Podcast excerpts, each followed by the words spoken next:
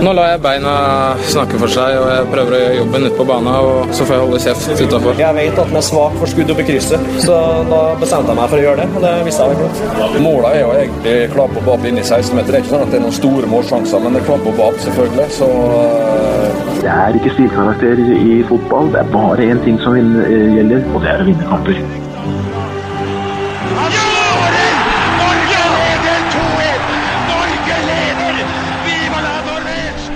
Og der er uh, toppfotball tilbake igjen. Vi har uh, trukket inn Det er sent uh, onsdag kveld. Vi har vært vitne til et par cupbomber, en rekke folkefester. dette er en, en ny sending med, med såkalt NM-fokus. Men i norsk ball så er det så mye vi skal snakke om, så NM er bare toppen av kransekaka. Lasse Wangstein, du driver og ser på en annen type idrett på skjermen din, men du er her likevel sammen med oss. Velkommen. Jeg er det. Jeg har et uh, halvt øye på semifinalen i Champions League, for jeg, jeg, er jo glad i fotball. Utenlandsk fotball her, altså? Ja, jeg er det. Uh, absolutt mest glad i norsk fotball, men det er klart når det er semifinale i uh, verdens største klubbturnering, så fatter det interesse, ja. Ja. ja. Selv om den kampen var jo eh, Det er jo nesten avgjort for, på forkant, eller?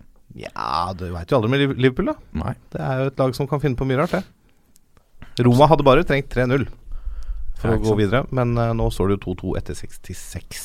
Så vet folk omtrent når vi sitter her. Spoiler. Spoiler Spoiler alert for alle som ikke har sett den, som skal se denne i opptak i morgen etter de har hørt på oss. Yes. Ja. Joakim Bårdsen, du ser ut som en uh, litt uh, nedfor-type i dag. Uh, mer om det senere, si, men uh, velkommen tilbake. Jo, takk for det. Du har vært uh, borte? Uh, Utereist, kanskje? nei, jeg fikk bare ikke lov til å være med de to siste gangene. Karantene? Ja, nei, det, det, har vært litt opptatt de siste par gangene vi skulle spille inn, men nå er det jo deilig å være tilbake igjen. Levert eh, altså nydelig journalistikk for eh, din arbeidsgiver. Eh, Forsidestoff bl.a. Verdt å nevne. Ja, heldig det, da. Heldig? heldig det. God sak? Ja, det var hyggelig det du tenker på Klaus Lundekvam. Så ja. det var interessant det å, å prate med han. Er det noe du kan, eh, for oss som ikke har lest eh, hele saken Den er jo selvfølgelig, som alle dine andre saker, dekket av betalingsføring. ja, alt ligger bak mur. Eh, nei, men eh, utgangspunktet var å høre hvordan det gikk med han. Um, det er jo tre år siden han ga ut uh, boka si 'En kamp til'. Uh, siden det så har det vært ganske stille rundt uh, Lundekvam, så um, han fortalte at det gikk bra. har vel hatt den beste perioden i livet nå siden denne krisen i fra 20 eller fra 2008 til han sto fram med problemene i 2010. Um, så um, nå jobber han i, i Bergen um, i et idrettslag som heter Psykiatrialliansen, og er i tillegg uh, såkalt erfaringskonsulent, som betyr at han prater med um, psykiatriske pasienter og, og, andre som gjerne bare ikke har det så bra, og da kan bruke uh, sin erfaring og, og Eh, fortelle hvordan han har uh, kommet seg ut av uh, problemene. Så det er jo en fin ting. Én ting er jo den boka hans som skapte litt rabalder da den kom, men det er jo en sterk historie. Klaus Lundegård har Det er en ekstremt sterk historie. Når du tenker liksom på hva skal vi kalle det, skyggesidene av den profesjonelle fotballen, da. Uh, og alt det innebærer for enkelte, altså de mentale mm. utfordringene enkelte toppfotballspillere får ved å leve under det presset. Alle, hva skal vi si um, de eh, Altså at de, at de, blir frist, alle de fristelsene som finnes, da. Og så mm. er det jo noen som da går litt i, i dypet. Og så er det jo denne um, tomheten etter karrieren, mm. da, som um, har blitt uh, et velkjent uh, fenomen. Uh, noe som har blitt belyst og prata mer om de siste gjerne fem, seks, syv årene, der mer og mer har stått fram og fortalt at det er ikke så lett å og plutselig være ute av uh, det sirkuset som f.eks. Premier League er, der uh, alt blir lagt til rette for deg, der du er en viktig mann for uh, både lagkamerater, trener og fans, og der du får masse oppmerksomhet, så plutselig så er det over. så er du ute den dagen du legger opp. for det er jo bare et fåtall som blir igjen som eksperter eller trenere, sant. Mm. flertallet er jo må jo finne seg noe helt nytt å gjøre. Og for de som har um, eh, fotballen og det å prestere har vært eh, nummer én i livet alltid. Mm. Og da plutselig finne en ny mening med livet i tillegg, det kan jo gjøre det ganske vanskelig. Men eh, nå så var Lundekvam i bra fysisk form, trent masse.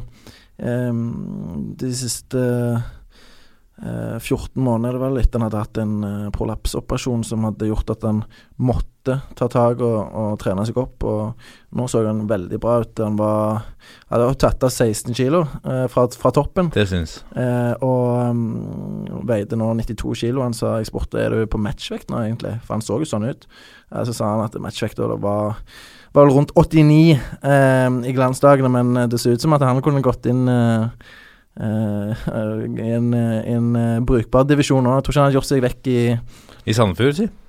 Si det, si det. Nei, men han, eh, han så bra ut. Men jeg syns det er så fint at vi har de spillerne og eks-spillerne da som tør å stå fram om problemene sine, og, og liksom bare tømme det helt ut for folket. For det skaper oppmerksomhet rundt det, og da tar folk problematikken på alvor. Eh, det er sikkert nok av tilfeller hvor folk ikke har fortalt om hvordan tida etter karrieren har vært, og, som har hatt store utfordringer. Eh, og dette er jo kan, Jeg mener jo dette på en måte kan knyttes litt sammen med denne problematikken at det, ehm, det ikke er noen eh, åpen homofile i eh, norsk herrefotball. Altså i toppen av norsk herrefotball. Eh, det må være én som går først. Det må være én som står fram først, eller to, gjerne kanskje. Altså, før For det åpenbart, statistisk sett, så skal det være homofile fotballspillere i Eliteserien og Obos-ligaen. Absolutt. Og det er jo ikke mange som har stått fram med eh, store problemer, Sånne sånn som Klaus Lundekvam har gjort. Han har jo stått fram med ekstremt store problemer. sant? Eh, Jeg trenger ikke nevne mm, alt det han har eh, vært igjennom, eh, eh, for det er jo en, en velkjent historie. Men, eh, eh, men det var veldig givende å, å prate med han, og, og det er klart at han ønsker jo å være eh, et forbilde for andre, eller gjøre det lettere for andre å stå fram. Fordi det er jo på en måte en vei ut av problemene. Og fortelle andre om det, ikke gå med det sjøl. Og i tillegg så vil han jo advare um, andre selvfølgelig mot å begynne med stoff og kokain og, og alkohol. Og han, som han sier, at um, uh, et enkelttilfelle uh, kan være uh, kjekt der og da, men det kan være òg starten på et rent helvete. Mm. Og dette gjelder jo alt som handler om avhengighet. Mm. Altså Det er nok av idrettsutøvere som sliter med f.eks. gamblingproblemer. Ja. Noen har stått fram, og det er all ære til de for det. Eh, Men det, jeg tror skyggetallene innen Mm. idretten er ganske store på, på både det og, og de problemene Lunde kom ha hatt. mm. Ja, og, og eh, altså vi, vi Jeg tenker jo at det er jo ikke sånn at for alle så er det det å stå fram offentlig som, som uh, funker. Uh, Nei, men jeg eh, tenker for, for mange av disse som har problemer eller har utfordringer, uh, Mm. så løses dette best uten at, at riksavisene står og banker Ja. på døra.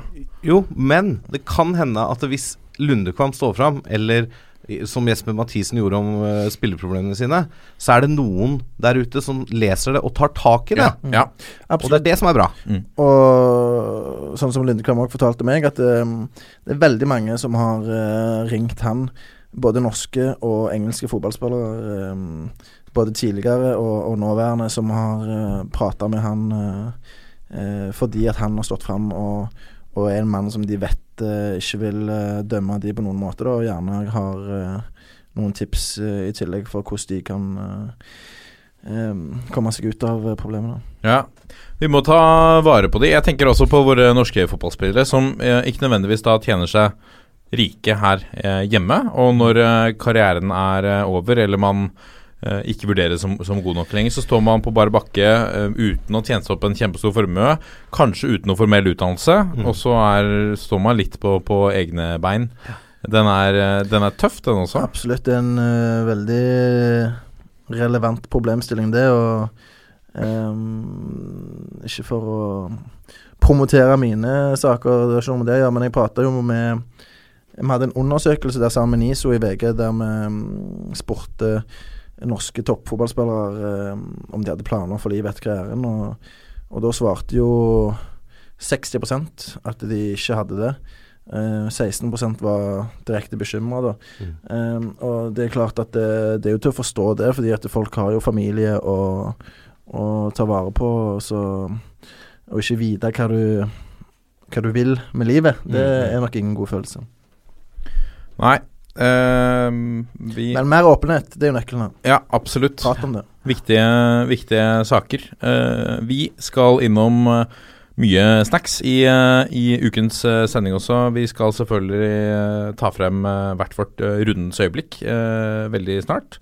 Så skal vi innom e-postkassa, hvor, hvor det både blir snakk om Ola Brynildsen, Erling Braut Haaland, Odd, og selvfølgelig Magnus Powell, som måtte gå etter at vi Nøyaktig! Altså, det var ikke mange minuttene etter at vi hadde spilt inn forrige sending, eh, Lasse. Nei, vi satt jo og spekulerte vilt om uh, Powells fremtid i Sandefjord. Uh, pakka ned, gikk ut døra her og fikk push-varsel.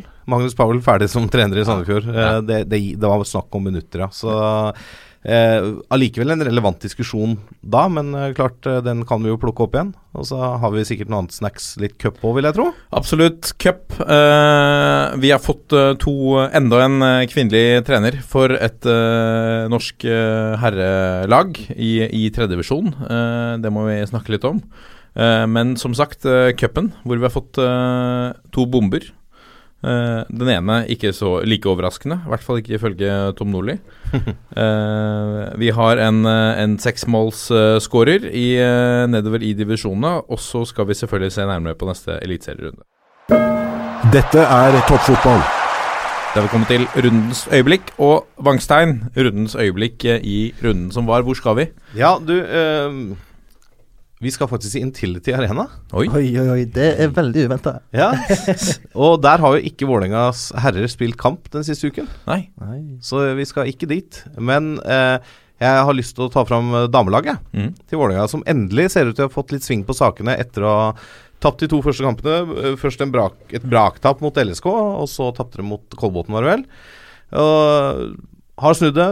Vant borte mot Avaldsnes, og i helgen møtte de Stabæk på hjemmebane. Gamle storheten eh, Stabæk, tidligere Asker. Eh, det sto jo 1-0 til Vålerenga før minuttet var spilt, etter et straffespark, men rundens øyeblikk for meg, den kommer etter 89 minutter. Da midtbanespiller Sherida Spitze eh, lada kanonen fra 35 meter. Smalt ballen i mål bak landslagskeeper eh, Ingrid Hjelmseth, som bare kun sto og så at ballen smalt i stolpen, helt opp i krysset og i mål. Altså, det er helt klart kandidat til årets mål i norsk fotball, Ja. uansett kjønn, sammen med den ene skåringa til LSK i første serierunde på samme arena. Eh, det var en fantastisk skåring eh, og en fantastisk skuddteknikk. Eh, og det for meg eh, må være rundens øyeblikk, eh, så vi også får tid til å hylle damene litt. Grann. Absolutt. Jeg så for øvrig at uh, i byderbyet Lyn-Vålerenga i dag så endte det 1-1. 1 til 1-1. Det, Det må vi kunne si er et godt resultat, i hvert fall for hjemmelaget. Det er det nok sånn hvis du ser på hva forventningene før sesongen og sånn. Eh, fikk en rapport eh, fra kampen på at uh, Vålerenga hadde hatt dem litt på gaffelen, så Lyn var nok mest fornøyd med 1-1. Ja. Men er, har favorittstempelet vært for Altså det, det er flere som har tippet Vålerenga til å ta gullet. Virker Mm. det som at det favorittstempelet er litt for tungt for dem, eller? Ja, det kan hende, men så må du også tenke at uh, det er ikke å spasere seg gjennom en liga uansett. Og så er det veldig, veldig mye utskiftninger, både på ledersida og, og um, på spillersida. Det tar tid å sette et lag. Det er ikke bare å hente inn elleve nye spillere, og så har du, uh, har du liksom uh, full uh, et fullt lokomotiv med en gang. Så jeg tror Vålerenga må få lov å bruke litt tid til å sette, sette ting. Så vil de komme utover sesongen, tror jeg. Men jeg tror fortsatt Lillestrøm tar gullet, og så får Vålerenga jobbe videre og ta det neste år. Ja.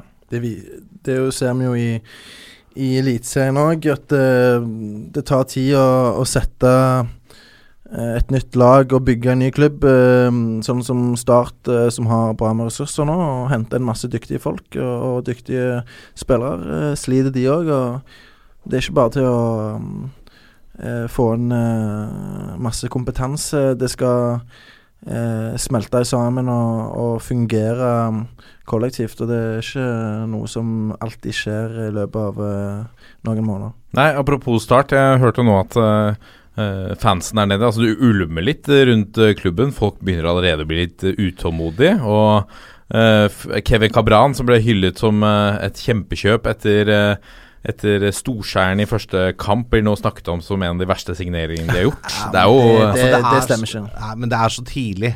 Og det er så utålmodig. Altså, Ja. det må, altså igjen, altså, gi det litt tid, altså. Vær Ja. så snill. Ja, og, men det er liksom Sånn er fotballen. da, Det er naturlig. De ligger på sisteplass i Eliteserien. Eh, det var masse forventninger til dem før sesongstart, så selvfølgelig så er det mange som eh, vil være kritiske, og, og mange som eh, eh, gjerne har noen argumenter som ikke holder helt vann òg, fordi du må Du må på en måte gi det litt tid eh, til å eh, sette sammen eh, dette laget her, og Eh, Kevin Cabran for eksempel, og si at han er et av de verste kjøp og Start har gjort på aldri. Det, det, det er jo, stemmer jo ikke i det hele tatt. Det er bare Nei. å se Kevin Cabran spille kamper. Greit, han er totalt anonym eh, i, i perioder og har hatt noen dårlige kamper, men du ser jo at han er en meget bra spiller.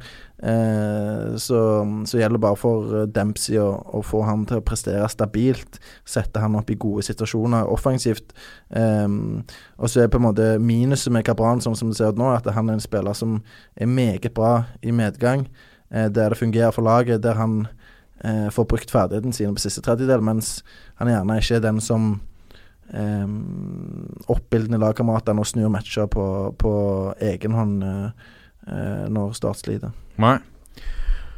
Spennende å se om de eh, Det er vel et eh, Vi går vel alle og venter på at det løsner litt fra start, at de klarer å snu dette. For dette forventningene har vært Ja, svært så nå fikk du i hvert fall en opptur i cupen? Ja. mot Arendal. Det var en potensiell skrell som lå der. Arendal, et lag som spilte i Obos i fjor, og, og fremdeles eh, satser bra i andredivisjon. og har ambisjoner om, eh, om å hevde seg i toppen der, så eh, de løste, løste den matchen der bra. Kabran på skåringslisten. Eh, mm, og det var en match som som eh, Dempsey tydeligvis tok seriøst og stilte et veldig bra lag. Så mm, eh, alle positive opplevelser eh, er viktige for Start nå, og det er noe som de kan bygge videre på inn mot eh, neste serierunde. Rundens øyeblikk for deg da, Bårdsen. Hva har du? Ja, det kommer på Jessheim eh, stadion. Riktig. Eh, det ante meg. ja. UKI Arena. Mm. Eh, Perfekt med disse tidlige matchene fra Obos på søndagene, der eh, du slipper da, iallfall for min del, å kombinere en eh, Obos-kamp klokka seks med en eliteseriekamp. eh, eh, Ikke feil heller, ja. Nei, men da får du ikke hele danne deg et skikkelig godt nok bilde av alle spillerne sine prestasjoner, så skal du sitte og følge med på to kamper. Derfor så velger jeg ofte gjerne bare én klokka seks. Men nå kunne jeg se Viking eh, bort mot Ullskisa klokka tre.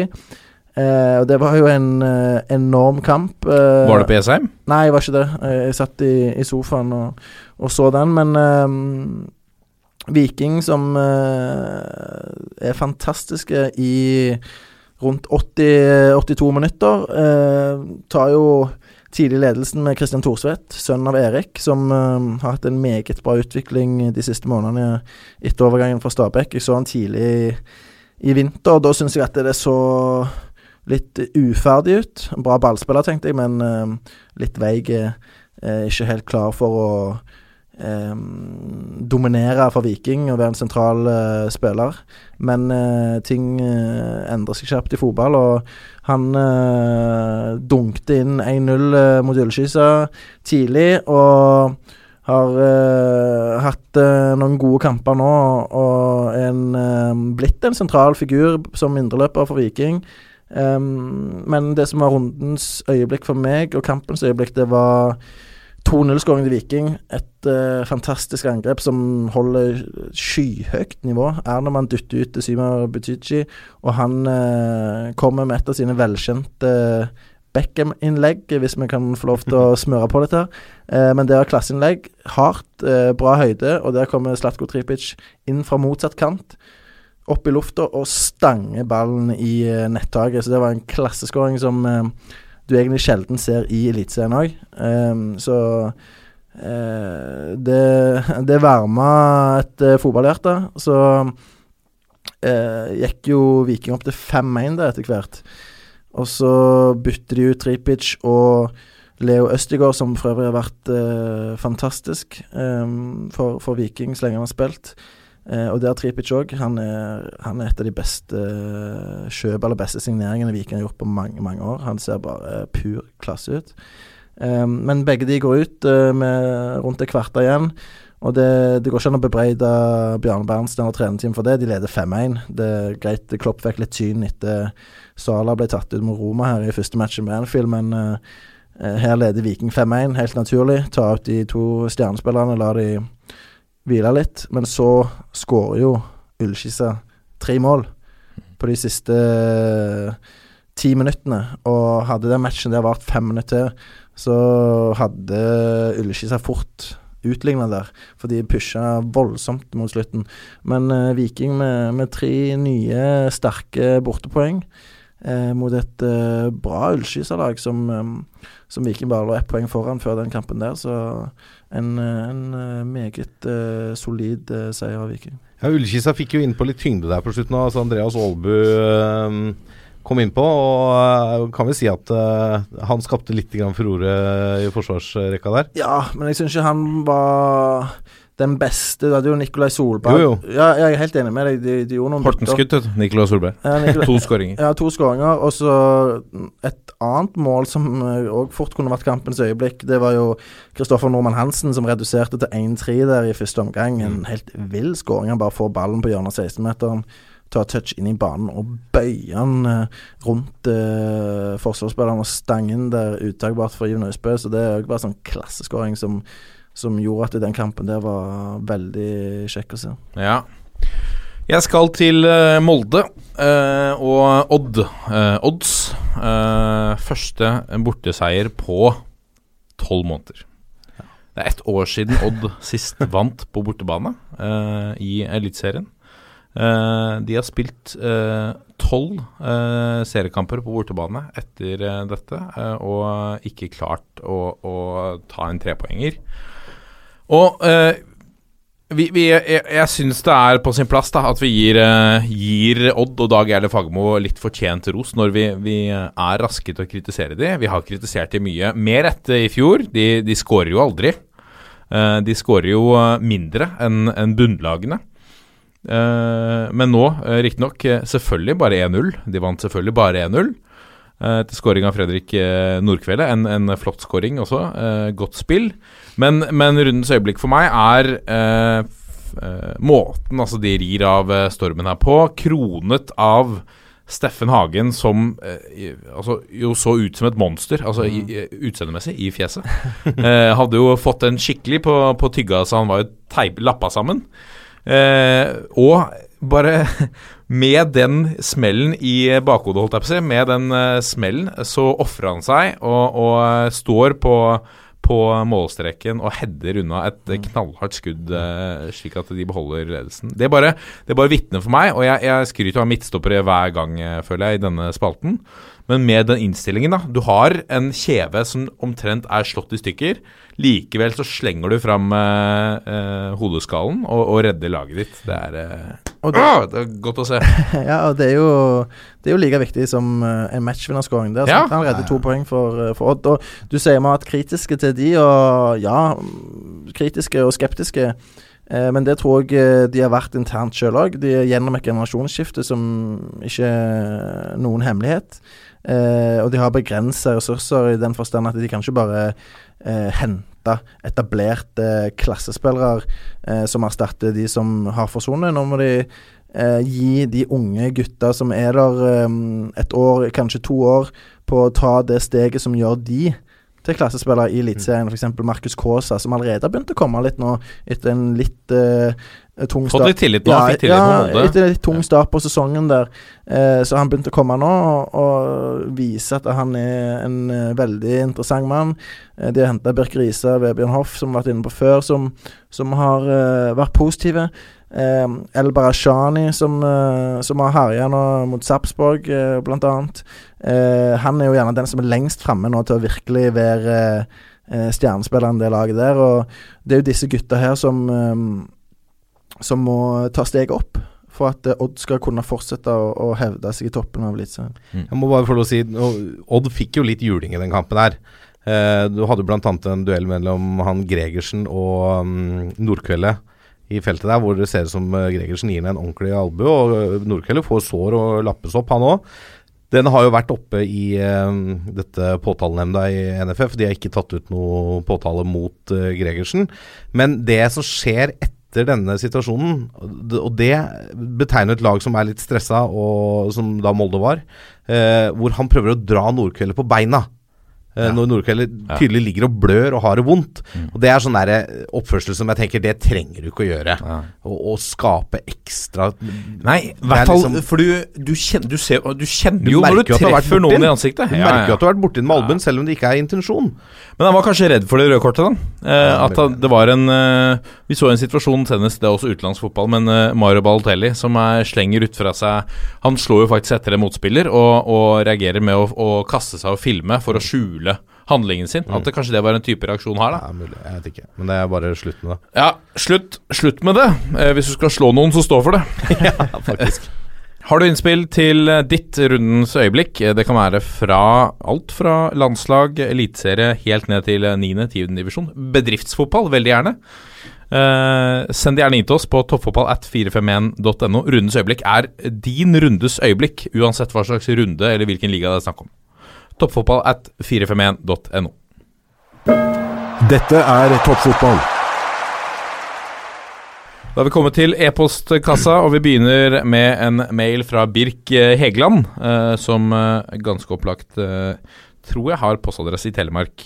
Eh, han skriver at det er fryktelig deilig når Odd motbeviser alle såkalte eksperter, altså eh, til eh, herrene rundt bordet også. Odd viste at, visste eh, at serieåpningen ville bli tøff, tøff, og med et så ungt lag ville det ta noen kamper før de ville prestere såpass godt at de fikk til seire. Jeg vet ikke om han vet at de visste at det ble tøft, eller om det er en påstand. Uh, uansett, han, uh, han skriver eh, her at uh, de ikke krisemaksimerte situasjonen, slik som eh, det ofte skjer i Vålinga f.eks., men at man jobbet eh, tålmodig eh, og gikk eh, til arbeidsoppgavene med et smil og en eh, liten grad av murringen eh, i, i Den samme murringen som man ser i de større klubbene da, i, i Ja, eh, og, perioden. og det er jo fordi eh, Det som jeg nettopp var inne på eh, i forrige spalte, her, med at eh, Jeg antar jo at eh, uten å ha prata med, med Fagermo og, og Håndlykken om det, så, så regner jeg med at de har eh, eh, på en måte erkjent at eh, nå er det et generasjonsskifte, og, og de trenger tid til å, til å utvikle de talentene som er der, og, og derfor så må de på en måte senke eh, ambisjonsnivået litt. Eh, I hvert fall eh, eh, resultatkrav, og de kan ikke eh, regne med at de skal komme topp tre i, i 2018. Ehm, eh, og så er det nok det som har bidratt til at eh, Fagermo var usikker på framtida si en periode. Det, det koster jo å eh, på en måte starte på ny igjen, da. Sant? Han har jo selvfølgelig mest lyst til å, å være oppe og krige mot Rosenborg og, og Brann eh, eh, og Molde akkurat nå, sant? Og, og helst eh, kjempe med gull. Men han, han skjønner jo at det går ikke. Eh, og da er det Da må du grave dypt igjen. Eh, finne ny motivasjon. Eh, og det um, har han jo tilsynelatende gjort. Og nå har de hatt et par gode resultater. Ligger på en åttendeplass i serien, eh, som er um, gjerne rundt der um, de kommer til å havne. Jeg tippet de litt eh, lavere, det gjenstår å se. Eh, tynn stall, eh, utsatt eh, for skader som så mange andre lag i Eliteserien, men foreløpig så er det en, en seriestart helt på det jevne, med, med en positiv utvikling. Ja, og det er jo sånn at um, Ja, de har fått litt kritikk, og vi har tippa de kanskje litt lenger ned, men vi tror jo ikke at de kommer til å ligge i nedrykksgjørma. Det er jo ikke sånn med Odd at vi tror det. Men det er som Joakim sier, litt tynn stall. Nå har de løst de skadeproblemene de har hatt ganske godt, syns jeg. Um, selv om de har mangla en del sentrale spillere. Og fått noen resultater ut av det. De har kriga seg litt tilbake, liksom. Og det er jo der det gjerne begynner, da, for å snu en dårlig trend. Du må krige, du må ville, og du må smelle til. Jeg sier ikke at Odd ikke har kriga, men det, det har vært noe som har mangla der, da. Uh, og det er all ære til det de har fått til, og selvfølgelig også all ære til at de har den tålmodigheten, og det har Fagermo i Skien. Han, har, han får tid hvis han vil ha det, og det, det vet vi. jo da, det er jo en trygghet, selvfølgelig, da, i motsetning til selvfølgelig en del andre klubber som uh, kanskje ikke har den samme roa rundt det, da. Så blir det veldig viktig at uh, typer eh, som Nordkveldet, Jone Samuelsen, Fredrik Sem Berge og Steffen Hagen står fram og presterer jevnt på et høyt nivå, sånn at unggutta slipper å bære eh, alt ansvaret på sine skuldre. For det er kanskje det som har skjedd litt. Altså De har jo en, en sentrallinje der som har vært skada. I Sem Berge, Skad- i Steffen Hagen. Skada ja. og ikke prestert så veldig bra. Sant? Forrige sesong så var det ingen av de som var oppe og, og presterte mot uh, maksnivået sitt. Sant? Uh, Fredrik Nordkveld har jo eh, knapt skåret et mål på et år, var det vel. Sant? Og, og det er jo i utgangspunktet en, en eh, målfarlig herremann. Nå er han på gang igjen nå, eh, og, og det er jo ekstremt viktig for Odd. Eh, han har jo vært en av uh, Eliteseriens eh, beste midtbanespillere i, i lang, lang tid. Eh, så han er jo eh, potensiell eh, klassemann for Odd hvis han eh, eh, presterer opp mot eh, Max. Ja, så har vi fått en eh, e-post fra Sindre Taule Sandstå. Han eh, vil helt enkelt lure på hvem er det største talentet av Ola Brynildsen og Erling Braut Haaland? Oi. Det er jo et Jeg syns det er et vanskelig spørsmål å svare på, fordi eh, det er så vanskelig å sammenligne spiller for spiller. Det er begge angrepsspillere og skal skåre mål og alt sånt, men de er jo forskjellige spillertyper. Eh, ganske samme alder, det er vel ett års forskjell på det. Brynildsen er den eldste. Men jeg ville nok sagt Braut Haaland, rett og slett på bakgrunn av den fysiske kapasiteten han har, og hvordan han tar for seg i dueller med ganske mer meritterte og, og sterke midtstoppere i Eliteserien. Altså, og dette tar ikke noe vekk fra det Ola Brynildsen holder på med i Stabæk, for det er fantastisk. Men sånn um, Hvis vi skal i talent, da si at det, hvem tror vi når lengst i enten norsk eller internasjonal fotball? uh, når vi sitter her om 15 år, så tror jeg at av de to, så er det Braut Haaland som har kommet lengst. Nå hadde det vært veldig gøy om du var helt uenig, og fikk en skikkelig debatt her. Nei, nei, men altså ja, Jeg er på en måte uenig i at eh, eh, vi kan slå fast nå hvem som kommer lengst av uh, Erling Braut Haaland og Ola Brynildsen, fordi at det, det er så ekstremt mye som eh, kommer til å skje de neste åra. Enn vi Men- tror. Ja, men eh, det er mulig å, å, å spå. Men at eh, Erling Braut Haaland er lengst framme nå i utviklingen, det er jeg enig i. Eh, og det er jo mye pga. hans fysiske kapasitet, men eh, eh, Og det er jo noe som, som gjør han gjerne enda mer attraktive for eh, eh, for enda større klubber enn Brynelsen per dags dato. Ehm, og så har han jo Han har jo mentalitet, men det har Brynelsen òg, og det liker jeg. Begge har mentalitet eh, som er um, interessant, for å si det på den måten. Og, de, de er råsterke i skallen, begge to.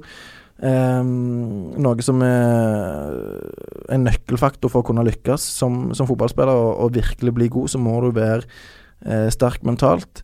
Um, men um, Brynildsen, han kan, hvis han plutselig putter 15 mål i Eliteserien eh, Om ikke denne sesongen, han har allerede tre nå, men eh, neste sesong så er jo han eh, Så kan han være så spinkel han bare vil. Sant? 15 skåringer som eh, en ung gutt eh, med masse fart og, og bra ferdigheter. Rolig foran mål, jobber steinhardt. eh, så, så blir du plukket opp med en gang. Eh, når, Men, men er det ikke litt sånn at Bare for å avbryte litt. Er det ikke litt sånn Vi, vi, vi har veldig mange i Europa og i Norge, eh, som er Ikke så mange i Norge, men, men som er eh, litt på den eh, høyden. Hvor, hvor høy kan han være? 1,75? 1,80 Ja, men det, det som skiller Brynelsen fra en del andre, det er jo at eh, han er veldig direkte i spillstilen. Sant? Han, han er Han, eh, han truer bakrom, eh, eh, er tøff i kroppen. eh, selv om han gjerne ikke er noe særlig høyere enn f.eks. Martin Ødegaard og Tobias Christensen i start, så er han en helt annen type spiller. Der de to er sånn feinschmeckere som eh, vil eh, eh, oppsøke trekantspill og, og tre gjennom eh, typer som Ola Brynelsen og Erling Braut Haaland, så, eh, så jager Brynelsen først og fremst skåring. Eh, og så har han det elementet i spillet sitt som, som er at han eh, er disiplinert hjemover. Selv om han i utgangspunktet gjerne er en spiss, så kan du bruke han på, på kanten, og han jobber steinhardt. Og, og da er det mye lettere å sette han inn på laget òg i ung alder. Men det, det er mye enklere for utenlandske klubber å legge merke til fyrtårnet Erling Braut Haaland hvis han markerer seg. Og det er færre, poenget mitt da, er at det er færre av typen Erling Braut Haaland som presterer på høyt nivå. Store, sterke spisser. Altså Man, man trekker jo sammenligning med en gang selvfølgelig til Jon Carew. Eh, Jostein Flo. Ja da, helt klart. Men hvis jeg skal snakke litt imot mitt eget argument, da. Mm. Hvis du ser de topp, topp, topplaga i dag i internasjonal fotball, ser spisstypene de bruker Manchester City, Sergio Aguero, Gabriel Jesus. Mm. Eh, Liverpool, Robert Firmino, tidligere offensiv midtbanespiller, og eh, en type Sala i en sånn vingrolle. Sala Mané.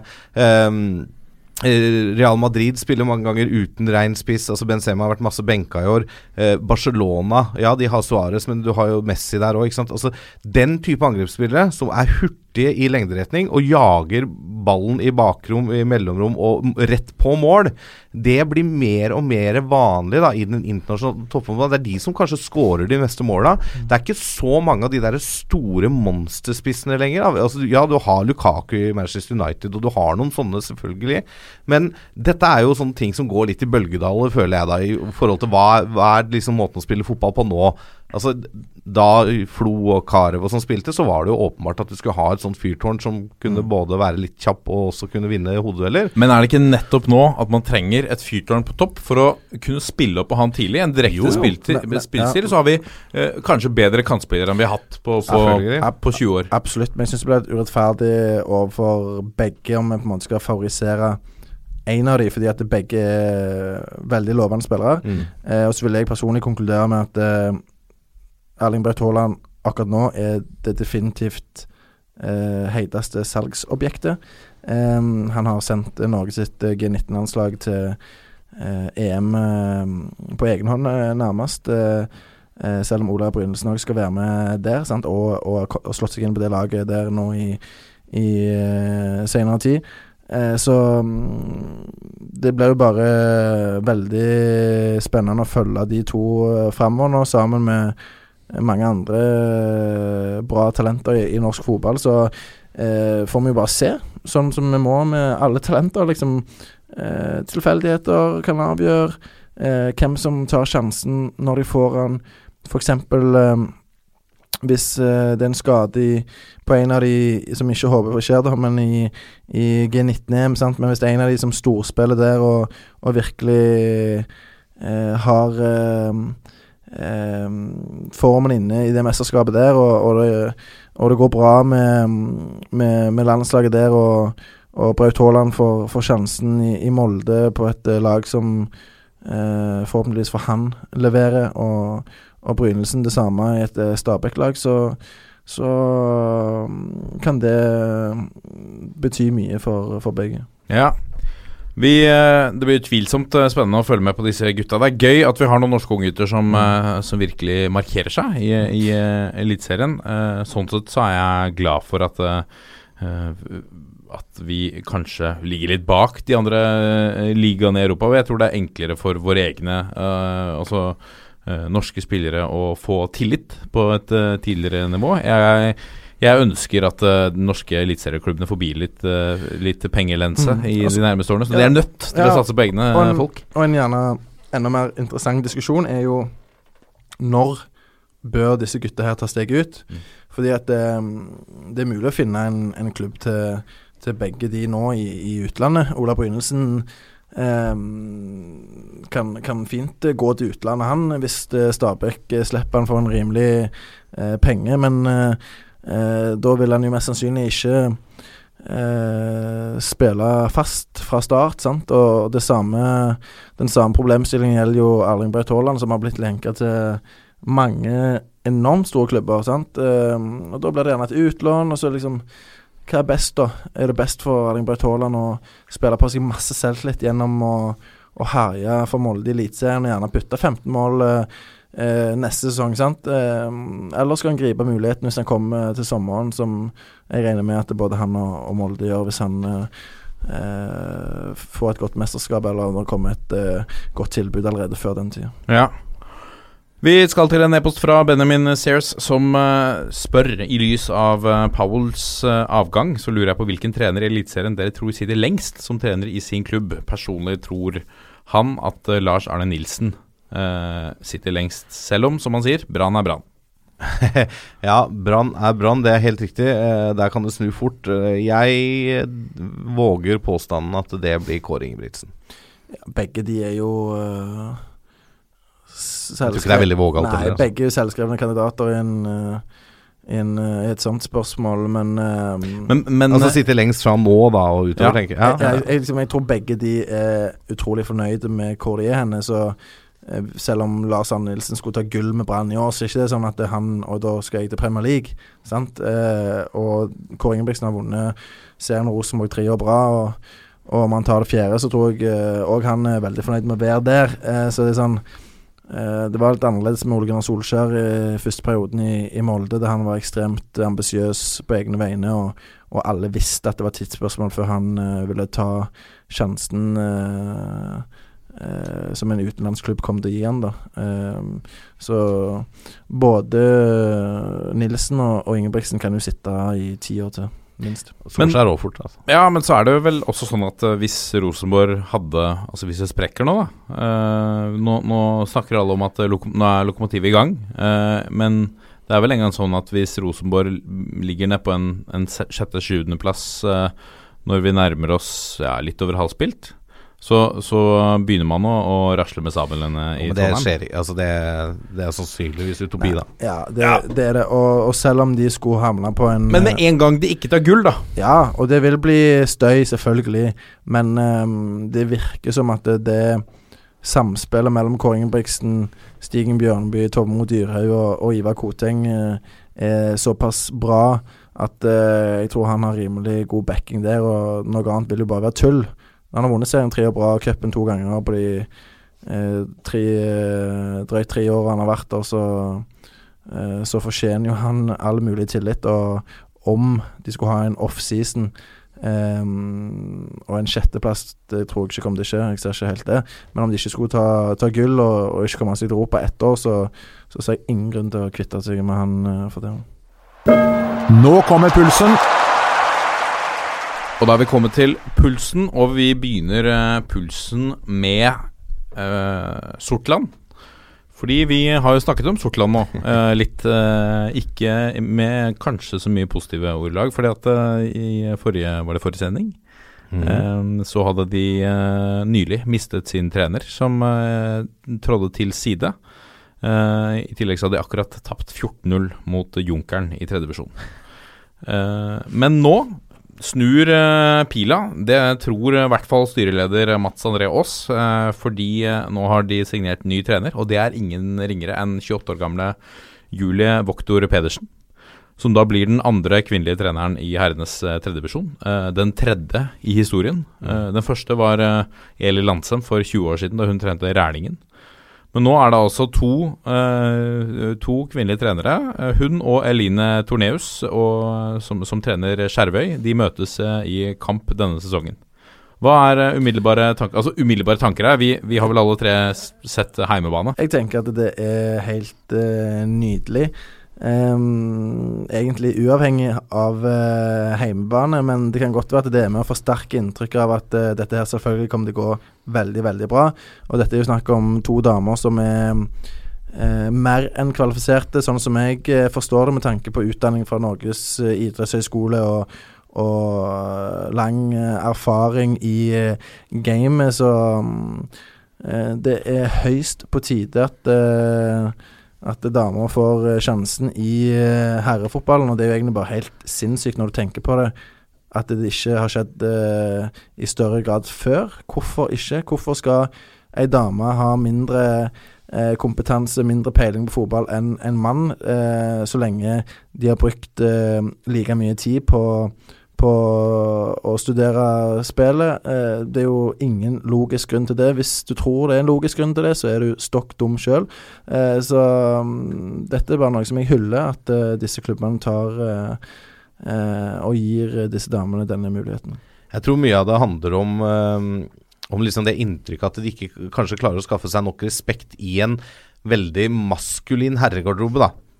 Jeg tror det, litt av problematikken ligger der. Ja, men- men men, eh, Men da, bare for å si det, da mener jeg da må du renske opp i den garderoben. Helt hvis, enig. Hvis, det, hvis du har typer i den garderoben som ikke gir eh, en kvinnelig trener respekt, så får du bare eh, så, får, eh, så får du på en måte i et samspill med klubbledelsen og bare prøve å sile ut eh, disse gutta her, hvis det skulle være eh, tilfellet. Jeg er helt enig, men jeg tror det er frykten da som ligger mange, hos mange klubber. Og jeg tror at der heimebane eh, tar, eh, eller har rett i veldig mye, er nettopp det du sier der. Kanskje det er en Altså ikke fordommer, men det er tanker rundt på styrerom rundt omkring i Norge som tenker at eh, nei, vi er Vi tror ikke at hun vil få At en kvinnelig trener vil få respekt i garderoben. Så kanskje man undervurderer sin egen spillergruppe. Ja, ja. som mer enn gjerne kan takle. Vi ser jo eh, Jeg så reportasje fra Skjervøy hvor de snakker om nye treneren. De hadde ikke, altså, eh, man snakker ikke om uh, at hun er jente på den måten. Hun er treneren. Ja, treneren. Ja.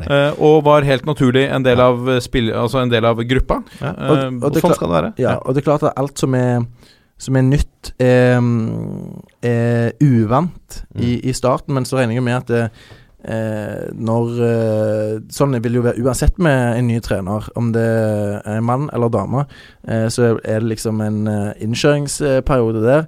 Men eh, personlig så hadde jeg jo ikke hatt noen ting imot å ha hatt ei dame som trener, men igjen da så må jo disse damene vinne respekten til spillergrupper som som menn må gjøre. sant? Det, det er selvfølgelig Du kan ikke, du kan ikke få lov til å, å være trener hvis du ikke Eller forvente at du skal, skal få laget på de sider hvis ikke du leverer. Hvis ikke du er faglig sterk. Hvis ikke du eh, er en god leder. Mm. Eh, men at eh, damer skal få sjansen på, på lik linje som menn, er jo helt eh, eh, som, en, som en selvfølge i mitt hode. Vi trenger ikke å gå lenger enn til uh, den nyligste sparkingen i Eliteserien, hvor det helt tydelig er at treneren ikke klarte å uh, skaffe seg den nødvendige respekten i garderoben, altså Magnus Powell i Sandefjord.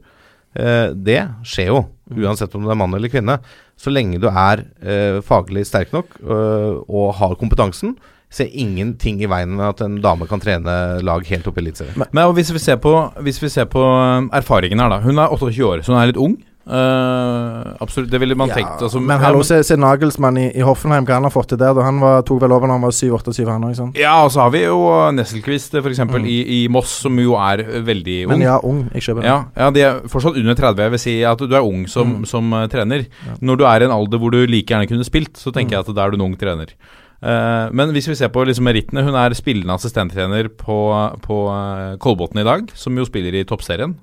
Eh, hun utdanna ved Norges idrettshøgskole, og hun har mastergrad i idrettsvitenskap. Mm. Altså Hvis du hadde tatt en, en, eh, en mann, henta han fra en assistenttrenerstilling, en spillende assistenttrenerstilling i Eliteserien, eh, en mastergrad i Norges idrettshøgskole Det er ikke noe spørsmål om han måte hadde vært kvalifisert for å ta en trenerjobb i, i tredjedivisjon, med all respekt å velge Ja, og, for og, tredjedivisjon. men samtidig, da. Eh, personlig eh, Jeg syns det er veldig bra at hun har den kompetansen, og det vil på en måte mm, eh, være, være bra for hun å ta med seg inn i den rollen. Eh, men eh, som personlig, da, så jeg sittet i en garderobe, så kunne det kommet inn en trener med all mulig eh, faglig bagasje, men jeg hadde tenkt at det, eh, hvis han eller hun sto og prata eh, piss eh, som enkelte trenere har gjort. Jeg har tenkt at du har jo ikke peiling på hva du snakker om. Du, Hvilke da, Bortsen? Nei, det trenger vi ikke nevne. Men, men liksom, du, du er jo ikke oppdatert i det hele tatt. Du, du, du vi, som sitter her, kan jo mer enn deg. Ja.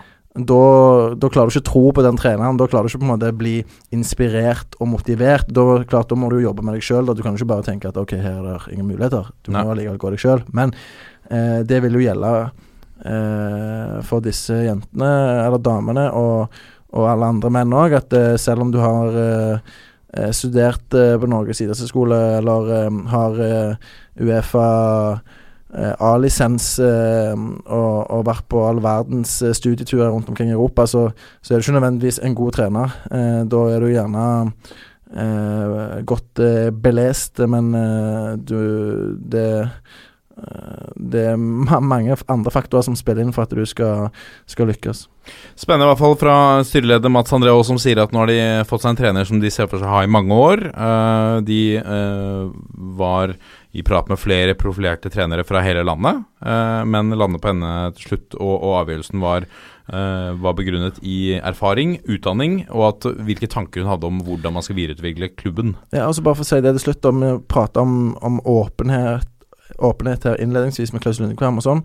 Og øh, dette er jo jenter som øh, Jeg vet ikke om det er feil om jeg kaller det jenter, men så er jo gutter om, om mannlige spillere òg, så det er ingen øh, det er ikke noe øh, tanke om å vise noen manglende respekt der, men dette er damer da som går foran. sant? For det er klart det vil være ekstra krevende for de å å øh, skape seg den nødvendige respekten. Det er det. Det er litt vanskeligere. sant? Det er klart at det er en del fordommer som henger igjen, eh, men de baner vei for andre ved at dette her eh, gjør at det blir mer og mer eh, naturlig eh, å se damer som trenere for herrer. Og jeg tror jo at uh, vi, må, vi, må, gå videre, men jeg tenker at uh, ja, selv om ingen vil innrømme at heimebane her uh, åpner noen dører eller noen ting, så tror jeg jo at nettopp å adressere et par sånne naturlige Uh, hva skal vi si fordommer eller Mm, naturlige ting som kan dukke opp Ja, i denne serien. Ja. Nettopp med tanke på det at hva skjer nå hvis hun mislykkes? Vil Mm. da man dømme alle fremtidige uh, kvinnelige Eh, trenere på herresiden? Ja, det er som, på samme måte som uh, Skam-serien gjorde med, med fordommer mot muslimer og homofile og blonde jenter. Uh, nå skjønner du at jeg har sett ganske mye Skam, sant.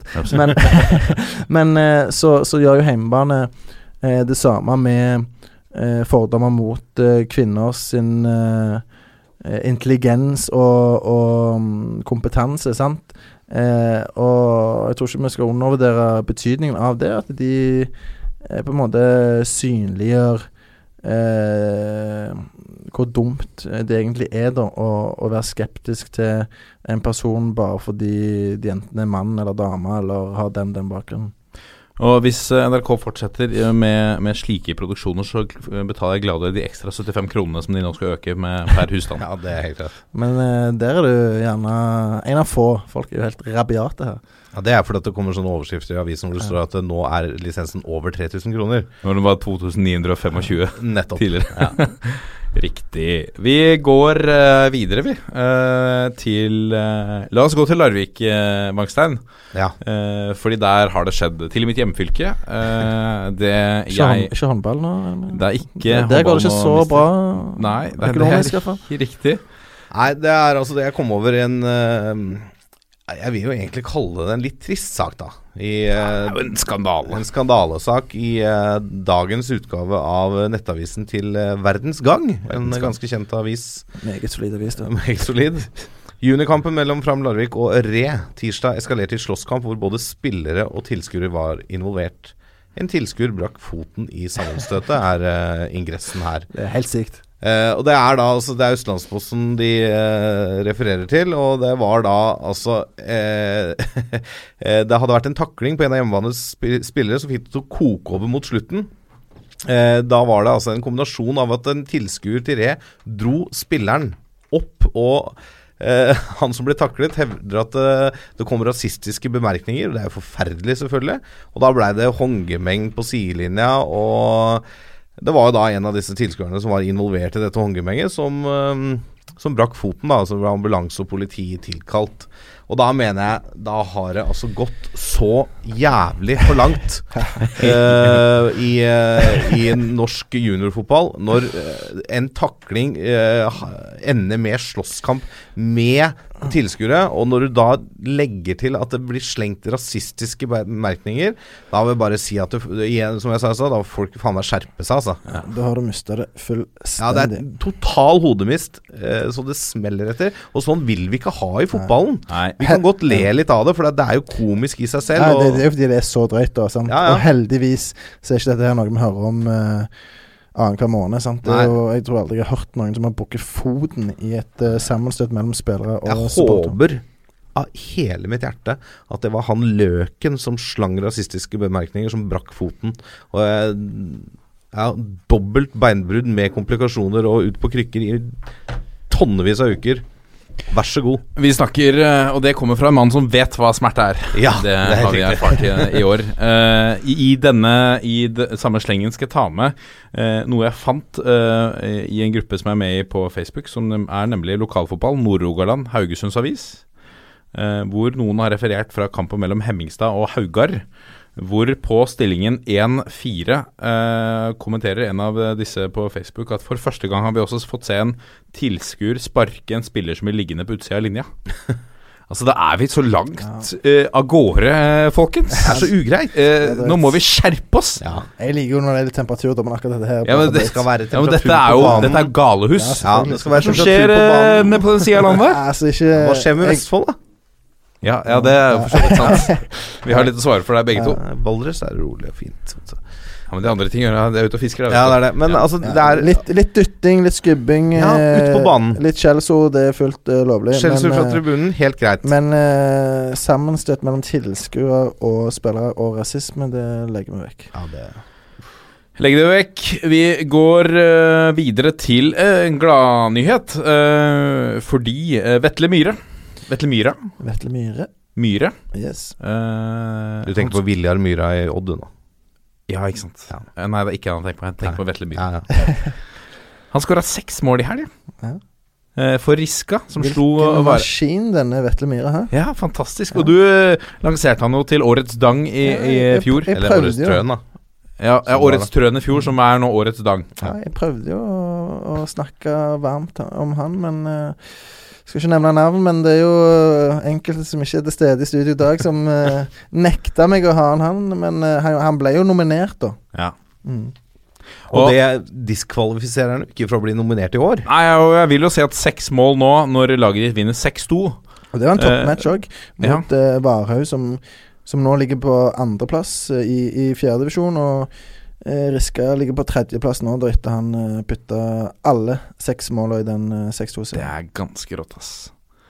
Er Han har, ja, han har åtte mål da på eh, tre og en halv match eh, det han har spilt der, så eh, det er jo ikke overraskende det, overhodet, at han putter seks mål i én kamp. Eh, som jeg har sagt mange ganger før, han er en goalgetter og har jo vært i Sandnes Ulf. Eh, det var jo det som var grunnen til Kjernås jeg mente at han eh, på en måte diskvalifiserer seg sjøl litt, fordi han har vært oppe i første divisjon før, eh, og vært i Verd Haugesund. Um, på en måte og, prøvd seg da og kjent på nivået. Men han har jo valgt sjøl å trappe ned. Han kunne jo spilt på et høyere nivå. Uh, kunne plukket hva andredivisjonsklubb han ville. Um, og, og spilt fast der. Greit, nå er det en stund siden jeg har sett han spille, og, og du blir jo ikke ikke en bedre fotballspiller av å spille i fjerdedivisjon og, og trene eh, relativt sjelden, men at han har kapasitet eh, eh, til å, å spille på et mye høyere nivå, er det jo ingen tvil om.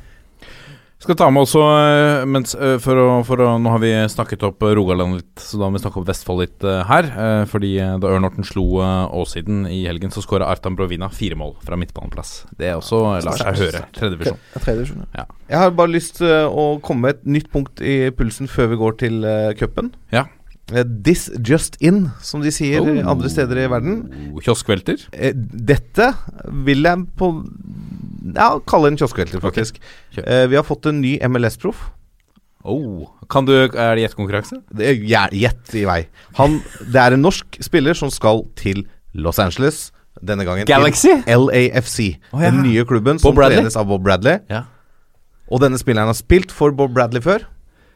Eh, er, Kan det, kan det være er det Veigar Pall Gunnarsson? Nei, det, det, Uff, Den her vrien, da, med tanke på hvem som er under- Dette er jo en veldig kjedelig quiz for de som Ja. hører denne podkasten. Fordi men, de har jo men, lest men det. det, som, det som slår meg, da, at han eh, Hvis det Bob Bradley har hatt den sjøl, eh, så vil jeg jo umiddelbart tenke at det er en av de mest interessante for han må være type Adama Diomande. Det er helt riktig. Oh, Adama er. Diomande er klar er- for den- Den er, LAFC. den er jeg fornøyd med, faktisk. Ja. Så da da må vi bare si igjen eh, Vi har jo snakka om denne Los Angeles-turen vår. Folkens, her er det bare å begynne å by. Vi reiser. Vi intervjuer Adama, vi intervjuer eh, Ola Kamara, eh, Jørgen Skjelvik, og så får vi Ola til å ta med seg Ja, og så- Zlatan. Tar ja, så tar vi et én-til-én med Zlatan og det blir så mange deilige podkastepisoder fra Los Angeles. Den, Hvis dere bare sender oss av gårde. Men den overgangen der liker jeg veldig godt. At den Ja. Diamande har vært bortgjemt i, i høll i altfor lang tid nå. Eh, hatt skadeproblemer der borte og, og sånn, dessverre. Men at han nå kommer til en bra liga i MLS med en trener som er utrolig dyktig, og som krever mye. Eh, det blir ikke noe hvilehjem for eh, Adama Diomande der borte. Han eh, må jobbe steinhardt Mm, mm. eh, hver pokkers trening. Mm. Og det tror jeg han eh, har veldig godt av. Og det kan òg landslaget ha godt av eh, på sikt. Veldig, veldig spennende. Vi kjører en spleis, gutter. Å, det er ikke, det er ikke dumt. Kanskje legge den, legge den sånn på bidra.no. Ja, spleis. Ja, ikke sant? Ja. ja. mm. uh, vi Kjør. skal uh, Før vi går til NM, så uh, skal jeg ta med at gi dere en oppdatering på tilskuersnittet så langt i Eliteserien. Ja. Det er på 5338. Mm. Det er ned fra 6669 i fjor, og det er 20 år siden vi har hatt tilsvarende lavt snitt. Ja, da bare Bare, Ja. Det var i 1998, da var det på 5220. Nå er det jo Du må jo ta med i beregningen her f.eks. at du har bytta ut Viking og Ålesund med f.eks. Ranheim. Ja. Som, altså Ranheim, fantastisk klubb, og de fyller jo stadion, men den tar jo sine 3000. Du får ikke noe særlig mer inn der. Ranheim har økt snittet sitt fra 688 til 2200. Ja, og det er fantastisk. For det, ja. Men det er klart at det, det spiller inn på et totalsnitt. Det spiller ekstremt uh, mye inn på et uh, totalsnitt, og så mm, Sant, eh, det var en veldig kald eh, seriestart Mm. eh, som gjør at de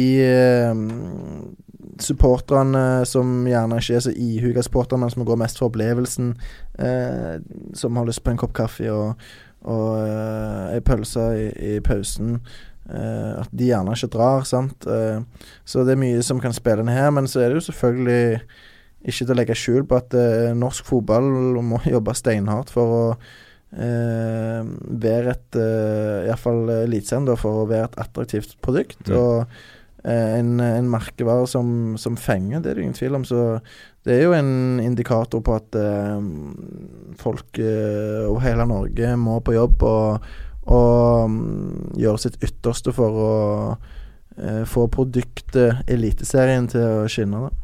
Støtt ditt lokale lag. Ja, ikke sant? Og det er kanskje ikke noe hemmelighet da, at de lagene som har kommet litt tregt i gang, Odd, Rosenborg, Brann og Nei, Brann har jo kommet kjempegodt i gang, Ja. men uh, Vålerenga eh, er de som eh, trekker ned her. Eh, Men i den saken står det noe om eh, snittallene i Obos. De har steget med over 20 vet jeg, og der har du jo selvfølgelig da Viking, Ålesund. Ja, Sogndal. ja. Så da Så det, hvis du spinner det rundt sånn, så er det en kjempeopptur på nivå to i Norge. Ja. Med 20 økning. Ja. Fantastisk. Den tar vi til eh, Akersgata. Vi går nå endelig til uh, NM, hvor vi har eh, detonert, eller det har blitt detonert Er det du som har cup- detonert disse bombene? Uh, nei, eh, overhodet ikke. Jeg vil jo Eh, si at det har blitt detonert to bomber, og så har det smelta et par kinaputter. Absolutt. Ja. Fordi Eh, det var flere lag her som var eh, ille ute. Eh, skal vi begynne med Clash of the Cash? Brattvåg mot Molde. Dette er jo på en måte to uh, rik onkel-klubber som møtes. og det, I men, dollarens tegn. men det er jo da Det er jo andredivisjon mot, uh, mot uh, eliteserie. Ehm, det, Molde skal jo vinne denne kampen 99 av 100 ganger, Selvfølgelig. og nå tapte dem. Og det som imponerer meg mest, er at kampen går til ekstraomganger. Og Brattvåg skårer i slutten av første ekstraomgang. Og da, da skal egentlig nivåforskjellen og den fysiske forutsetningene begynne å vise seg, men det forteller jo litt om at hvis du senker deg noen prosent mot andredivisjon De trener såpass mye og såpass hardt at det er ikke, de er ikke noe, noe du, du skubber deg ikke på dem. Og har ikke Brattvåg kjøpt fri eh, veldig mange av spillerne sine, slik at de de trener dagtid også? Ja, altså, Brattvåg er jo De rykket opp fra tredjedivisjon, da, sant? Mm. Eh, men de har jo henta eh, mange profiler. De henta f.eks. Nadeson da Silva, keeper fra Molde, som satt på benken eh, under denne matchen. sant? Eh, det viser jo litt av hva, hva ressurser de har. Samtidig så er det et lag som eh, som Kjernås da f.eks. tippet på, på nedrykksplass, men som har vært eh, eh, positive, fått en god sesongstart. Eh, Karl Oskar Fjørtoft som trener. en, en erfaren mann som tidligere har vært assistent i Ålesund. Og liksom, han har ikke bare en spillerkarriere bak seg. Han, han har vært på begge sider eh, eh, i dette gamet her, og det er jo et spennende lag. Sånn Torbjørn Grutten, som var et stjerneskudd i, i Ålesund eh, som, som tenåring, han òg kom innpå i denne matchen her. Jeg er usikker på om det skyldtes skade, eller om rett og slett om han ikke starter. Jeg ble overraska når jeg så det. Eh, I mitt hode så vil jo han være en, eh, en fast mann i, i det laget der med, med det navnet. Eh, selv om navnet ikke betyr alt. Eh, men eh, det er eh, Det er liksom ikke noe sånn sjokk lenger, da, når andredivisjonslag slår ut eliteserieklubber. Fordi at det, eh, lag i andredivisjon de trener så mye. Eh, egentlig like mye som eliteserielag i sesong. De har gjerne bare én dag fri, som eliteserielag òg har. Eh, så det er jo liksom Det er jo tempo og eh, ren kvalitet da, Mm. som, som skiller. Men hvis eh, Molde senker seg ned på samme eh, tempo som eh, som eh, Brattvåg, og, og ikke klarer å utnytte de sjansene de hadde eh, i denne matchen her, som de ikke klarte, så ryker det. Mm. Og eh, mm, det var den ene. Den andre var uh, Skeid på eh, hjemmebane på Nordre Åsen, som uh, nedsablet Sandefjord 3-0. Ja, og det er vel var vel ikke Altså, som Tom Nord, Jeg så Tom Nordlis sa det i intervjuet med NRK, at det var ikke det, Dette var ikke noe bombe. Nei, altså Fordi Men så han komme. Så han komme, Ja, altså Dette var vel en av de kampene du, du så for deg før runden, da, at her kan det smelle. Eh, det er klart Nå tar jo Skeid ledelsen i uh, første omgang der, og så får jo Sandefjord utvist keeperen sin etter 60 minutter, Ingvar eh, Jonsson. Eh, og da det er klart, da er det tungt, og så skårer Skeid to mål eh, Altså ett mål ti minutter etterpå, og så kvarter etter utvisningen. Må han sone i Eliteserien? Ja, da Ja, men, men, det som er greia, da, at det, det er jo Ingvar Jonsson her som har fått Han var jo førstekeeperen til Sandefjord sist sesong. Er jo faktisk VM-aktuell Mm. for Island. Men han har vært ute med et uh, beinbrudd uh, som gjorde at uh, Erik Holme Johansen fikk sjansen fra start etter, etter å ha kommet tilbake fra USA. Um, og har etablert seg som førstekeeper. Men så får Jonsson sjansen nå i denne matchen her, og først gir vekk 1-0 på en sånn håpløs manøver i feltet, der han taper en, en duell med, med en Shade-spiller som, eh, som bare header ballen i, i tomt eh, mål. Og så får, ja, får han eh, Ja, bror til Haitam. mm. Og så får han eh, rødt kort og i praksis eh, sende, sender Sandefjord ut av eh, cupen i, i andre omgang der. Så det er jo en helt forferdelig match av han, da. Det er jo altså, Men det er li, sier, litt sånn at den kunne du plukka deg ut som en potensiell bombe. Eh, vi har noen eh, Jeg nevnte noen kinaputter. Eh, Alta har slått Tuil 3-1. Eh, det er jo divisjonsforskjell der, så det er jo liksom litt sånn. Eh, Fyllingsdalen slo Sogndal 2-1. Eh, det også er, må vi jo si at det er litt, litt overraskende. Ja. Hødd slo Florø 1-0. Har ikke Florø vel imponert kjempemye i årets Obos, men likevel, det er den divisjonsforskjellen vi snakker om. Og så har du jo Kan du nevne at Bryne slo Viking, da, Joakim? Ja. Selv om du ikke er så glad i å snakke om det, kanskje? sant, Og jeg var på cupfinalen i 2001, og så Viking eh, slår Bryne 3-0. Da de kjørte inn med traktorer Da, fra Jæren. da kom de med traktor fra Jæren, ja. Eh, så rulla De rulla vel gjerne ikke ned Karl Johan, men det, det var ikke langt ifra. Men, eh, men siden det så har det vært eh, Bryne, Bryne, Bryne, Bryne i alle tellende kamper siden 2003. Eh, så dette her er overhodet ikke noe eh, bombe i mine øyne. At eh, det går som det går. Bryne et veldig hardt satsende andresjonslag som eh, vil gå rett opp, og som er tippa rett opp fra sin avdeling. Eh, har flust av gode spillere. Eh, Omar Fonstad som, som avgjør her. Eh, en eh, topp eh, andredivisjonsspiss som eh, vel hadde 20 skåringer, tror jeg. 19 eller 20 for Fram Larvik forrige sesong. Eh, og som, som jeg har sett sjøl, i aksjon, og han er, han, han er veldig bra. Kunne fort spilt Obos, i hvert fall. Eh, så han, han har denne matchen her, og eh, så tenker jeg at det er jo jævlig surt for Viking, selvfølgelig. Det er en hatkamp, dette her, sant? Og Bryne-spillerne og fansen og trenerne går jo fullstendig bananas. Mm. Selvfølgelig ingenting smaker bedre enn å slå Byesene eh, fra Stavanger, sant? Eh, men eh, hvis vi tenker litt lenger, så tror jeg ikke dette her trenger å være negativt for Viking. De må bare glemme dette her fortest mulig. Fokusere på serien. De skal rykke opp. Eh, tenk på det. Glem denne matchen her. Og så har Egersund slått Jerv 2-1. Ja. Og så måtte Tromsø ut i ekstraomganger eh, borte mot Senja. Så 0-0 etter full tid, hvor eh, Christian Landu Landu ble matchvinner to minutter før slutt. Det er en mann som eh, er vaksinert mot skåremål, men her sto han på en halv meter. Og ble skutt på. Ja, og, og klarte å stusse han inn igjen. Ja, ja, Men- ja, han tok men- med men- skulderen, vel? Ja, men ja, det var Ryggen, ja, skulderen. Ja, gjerne sneia hodet og skulderen. Oh, Ja. ja, ja. Men, eh, men kjekk for, for Landu, da. Uh, Stavanger-gutt, så, kult for han. Men eh, Egersund, det òg syns jeg er Det er jo et annet rogalandslag som uh, har eh, store ambisjoner og, og tippa helt i toppen av andredivisjon, uh, men som har fått en uh, tung start på sesongen. Uh, så å slå ut et Obos-ligalag for de nå, det smaker nok veldig godt. ja. Lite, liten fun fact som jeg plukka opp på Twitter av eh, tidligere TV 2-profil Davy Vatne. Fire av elleve cupmestere fra år 2000 og fram til 17 er allerede slått ut av årets cup. ja. Se det. Ser du den? Ja. En av uh, uh, cupmesterne Uh, Molde? Uh, nei, en av uh, hvor, hvor mange NM-titler har, Ørne Ørn Horten? Jeg husker ikke. Men, men det som vi òg kan registrere, da, det er at Ja. Brann tok seg enkelt videre mot Sotra. sant? 4-0. Eh, Lars Arne Nilsen som på mirakuløst vis eh, leda Hødd til cuptriumf i 2012, var det vel. Eh, mot Tromsø der. Eh, kan fort ha noe nytt på gang igjen eh, i år, eh, i en sesong der det ser veldig, veldig bra ut i Bergen. Ja, i farta her nå eh, blir folk forbanna, vet du. For at eh, Jo, uh, Ørn Horten eh, var eh, norgesmester i cupen i 1920, 1927, 28 og 1930.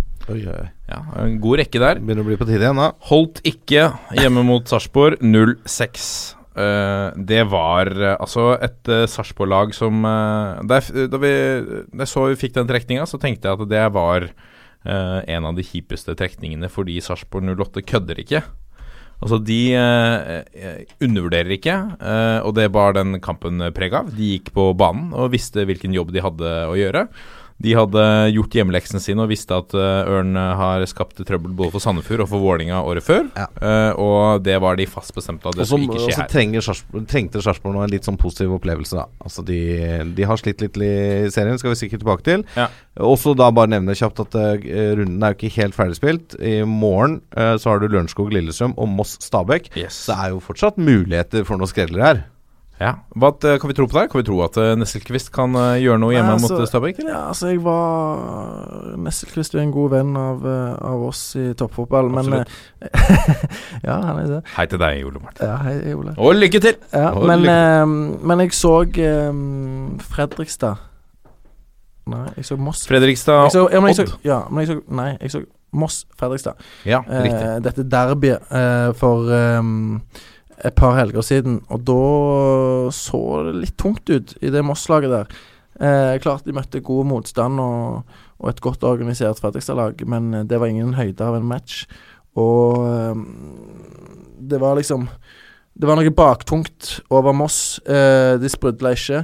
Eh, men klart at det, det er et eh, hakk opp, og, og der òg kan de eh, trenge litt tid på på å på en måte komme i gang. Eh, så hvis de får eh, eh, Hvis det er en forløsende match de trenger, så, så kan de jo selvfølgelig bli farlig mot Stabæk. Men igjen, de fikk en opptur nå mot eh, Lillestrøm, så Stabæk er jo soleklar favoritter der, eh, selv om de sleit fryktelig mot Ullern i, i første runde. Mm. Må vi ta med Bergsøy, som slo ut Ålesund i forrige runde. Der gjorde Kristiansund kort prosess. Eh, 0-6. Eh, Grorud uh, holdt uh, nesten mot uh, Vålinga. Der endte kampen 0-1. Skåring av Felipe Carvalho. Eh, og Orkla Ranheim, hvor det var jo interessant der. Det også var en kamp som gikk i går, men, men hvor barnebarnet til, til Nils Arne Eggen møtte bestefar han, Er han fortsatt trener i Ranheim? Han er vel i hvert fall inne og hjelper til litt. Ja, tror jeg. inne og Jeg tror styrer. han er hovedtrener Han er i hvert fall veldig I klar Orkla, mener jeg. I Orkla. Ja, i Orkla, ja. Han var i hvert fall veldig klar på at uh, noen sympatier for barnebarnet, det hadde han ikke da kampen eh, ble spilt. Nei, det skjønner jeg godt. Han var bare en av spillerne på Ranheim. Ja. Det var ikke noe annet. Liker det. uh, Fredrikstad, Odd 1-3. Eh, Harstad holdt det gående lenge mot Bodø-Glimt, men kampen endte 2-5. Eh, Lysekloster, også et av disse dollarlagene nedover i divisjonen. Er de i andre divisjon, de også nå? Nei, tredje. De er fortsatt i tredje. Eh, 1-2 mot Haugesund. Eh, Rosenborg nedsabla Steinkjer med 5-0. Godset oppskriftsmessig mot Valdres. Hvordan var matchen, Lasse? Du var selvfølgelig på Blåbærmyra. Jeg var ikke på Blåbærmyra eller i Valdres Storhall, for jeg skulle spille inn en Var det i Store- Jeg vet ikke om det det, Jeg tror ikke Blåbærmyra er klar ennå pga. snøen. Jeg skjønner. Det er ganske mye vinter der oppe ennå. Storhall, det høres ut som et sted som de har dans og sånn. Ja, det kan godt hende de har det også. Eh, nei, jeg prioriterte å sitte her i kveld. Mange takk. Tusen takk for det. Dette er toppfotball. Og da skal vi se nærmere på neste eliteserierunde. La oss håpe at den blir litt mer eh, målrik enn forrige runde. Fordi da jeg så uh, matchen, så så jeg at det kom ni mål i Ull Kisa Viking. Uh, og da vi runda av runden, så tenkte jeg at det var der alle måla kom i norsk toppfotball. Ja, det var, altså, det var jo Søndagsrunden, da, var jo den som skilte seg ut her. Da ble det vel skåret fire mål. På de eh, seks kampene. Eh, like mange som det ble skåret eh, på lørdag i Trondheim, mellom Ranheim og Vålerenga. Og så leverte jo da Stabæk og Lillestrøm fem mål eh, på mandag, så det var jo Det redda jo lite grann, da. Ja. Men Bare på én hjemmeseier. ja, Stabæk sin mot Lillestrøm. Mm. Men på lørdag så er det duket for et aldri så lite trønderoppgjør, rett og slett. Partene skal møtes. Altså, Altså Det er toppkamp og byderby i Trondheim. Jeg tenker sånn Kan det bli bedre hvis du er trønder og litt glad i fotball? Her er det bare å komme seg til Lerkendal. Trøndelag står på hodet nå. Ja, det bør jo det. Det er jo da Utsolgt Lerkendal eh, Ja, ja. blir det jo, sant? Det er Selvfølgelig. Det, Det, må det bli. Det er jo da årets overraskelse Ranheim, da. eh, som skal opp mot storebror Rosenborg. Eh, det er jo mot klubben de lenge var ansett som farmerklubben til, og kanskje til og med var det. Og kanskje til og med klubben som de fleste Ranheim-spillere drømmer om å spille for en eller annen gang. Og det skiller kun ett poeng mellom lagene før dette oppgjøret. Eh, altså, det er jo skrevet i stein at dette er jo Altså, det er en fantastisk eh, oppladning til kamp, da. De møtes for andre gang i historien. Det eneste møtet så langt var i cupen i 2014. Den ble også spilt på Lerkendal. Da var det 2-2 etter full tid. Og Rosenborg ved Jonas Svensson tok ledelsen i første reksomgang. Men Ranheim kjempet seg tilbake, og innbytter Bendik By, som nå figurerer i Kristiansund, ble den store helten med to skåringer, og dermed 3-4-seier til de blå. Ranheim så langt i år 2-0-1 på bortebane, som er solid, må vi kunne si. Eh, Rosenborg hjemme har 2-1-0. Um, Ranheim tror jeg har tilnærma skadefri tropp, i hvert fall av de viktigste. Rosenborg mangler jo fortsatt Samuel Adegbenro, og Marius Lundemo er vel på uh, usikkerhetsskalaen. Anders Tronsen spilte i cupkamp i dag, så han er, uh, han er klar igjen. Skåra. Og skåra, ikke minst.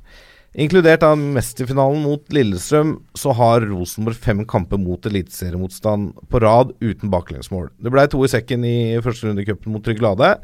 Eh, men Rosenborg virker vanskelig å slå nå. Altså, de er defensivt trygge etter de fikk inn Hovland, som har bare gått rett inn på det laget.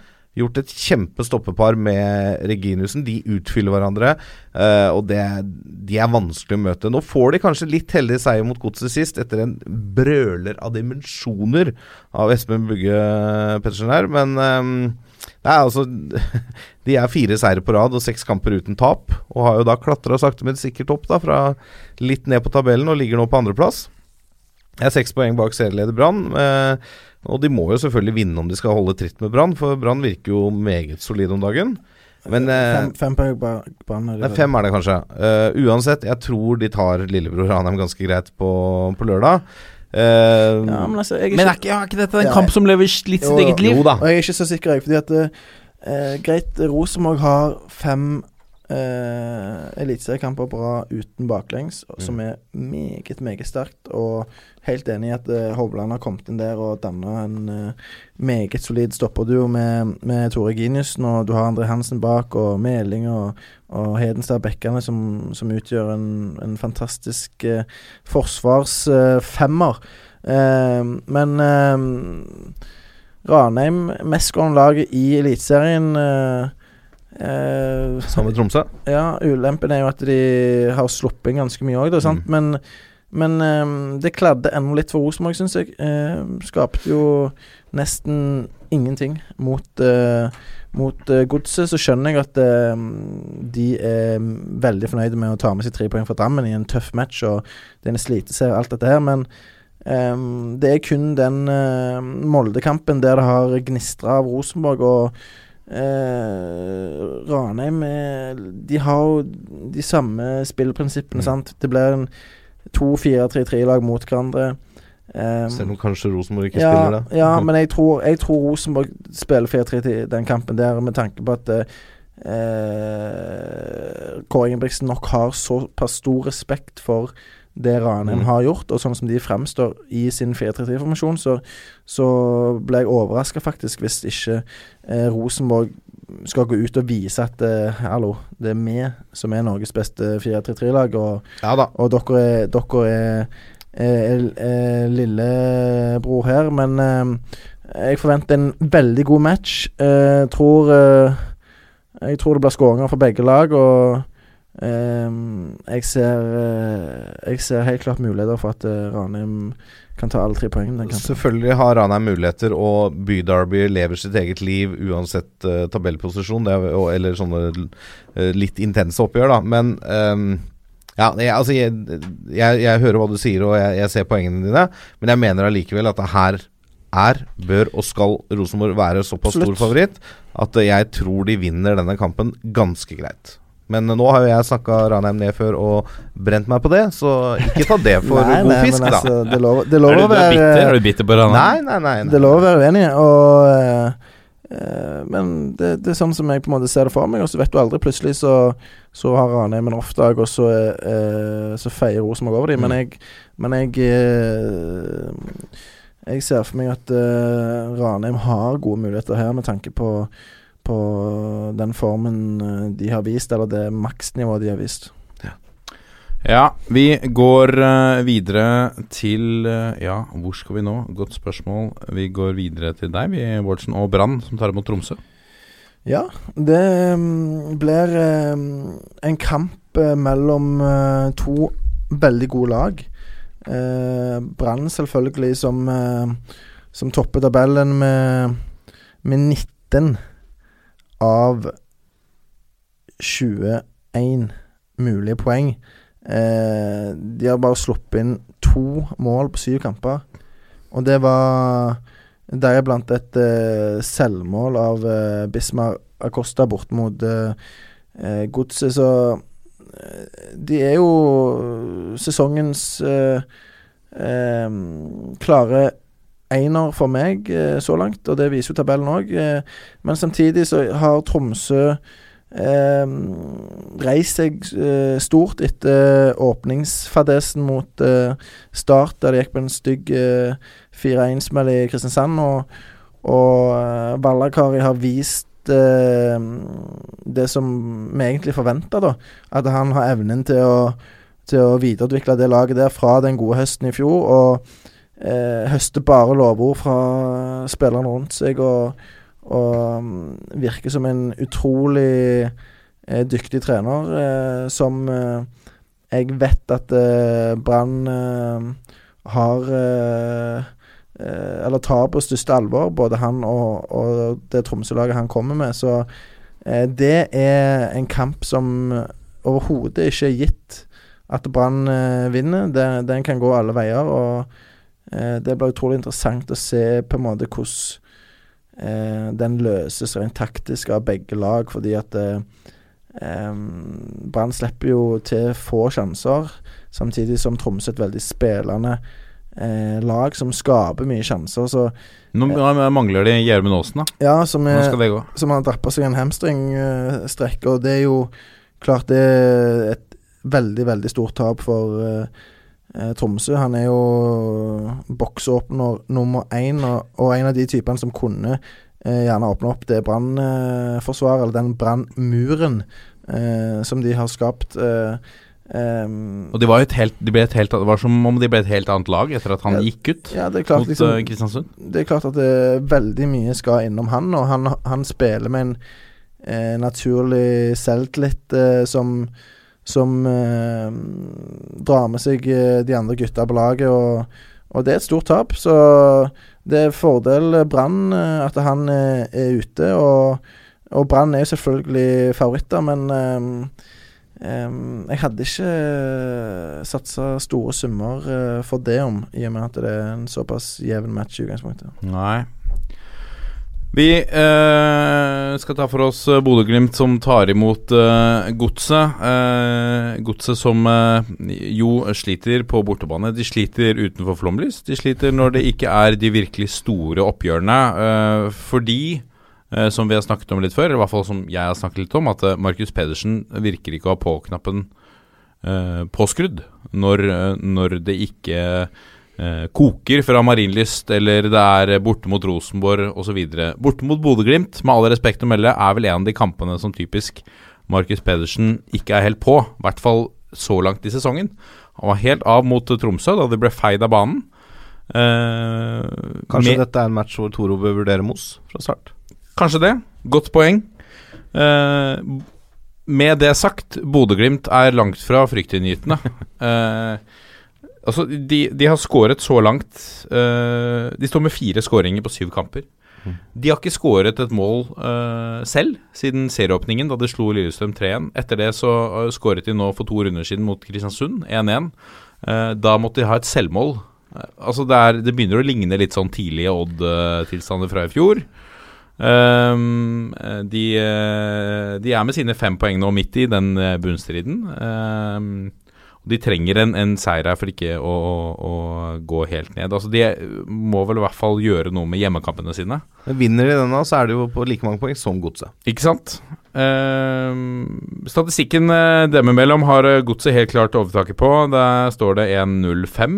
Fem av de siste eh, kampene har endt med, med Godsets seier. Eh, I fjor endte tilsvarende oppgjør 4-2 til hjemmelaget.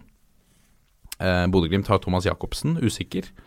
Mens eh, Godset har Francisca Junior, eh, som mest sannsynlig er eh, ute.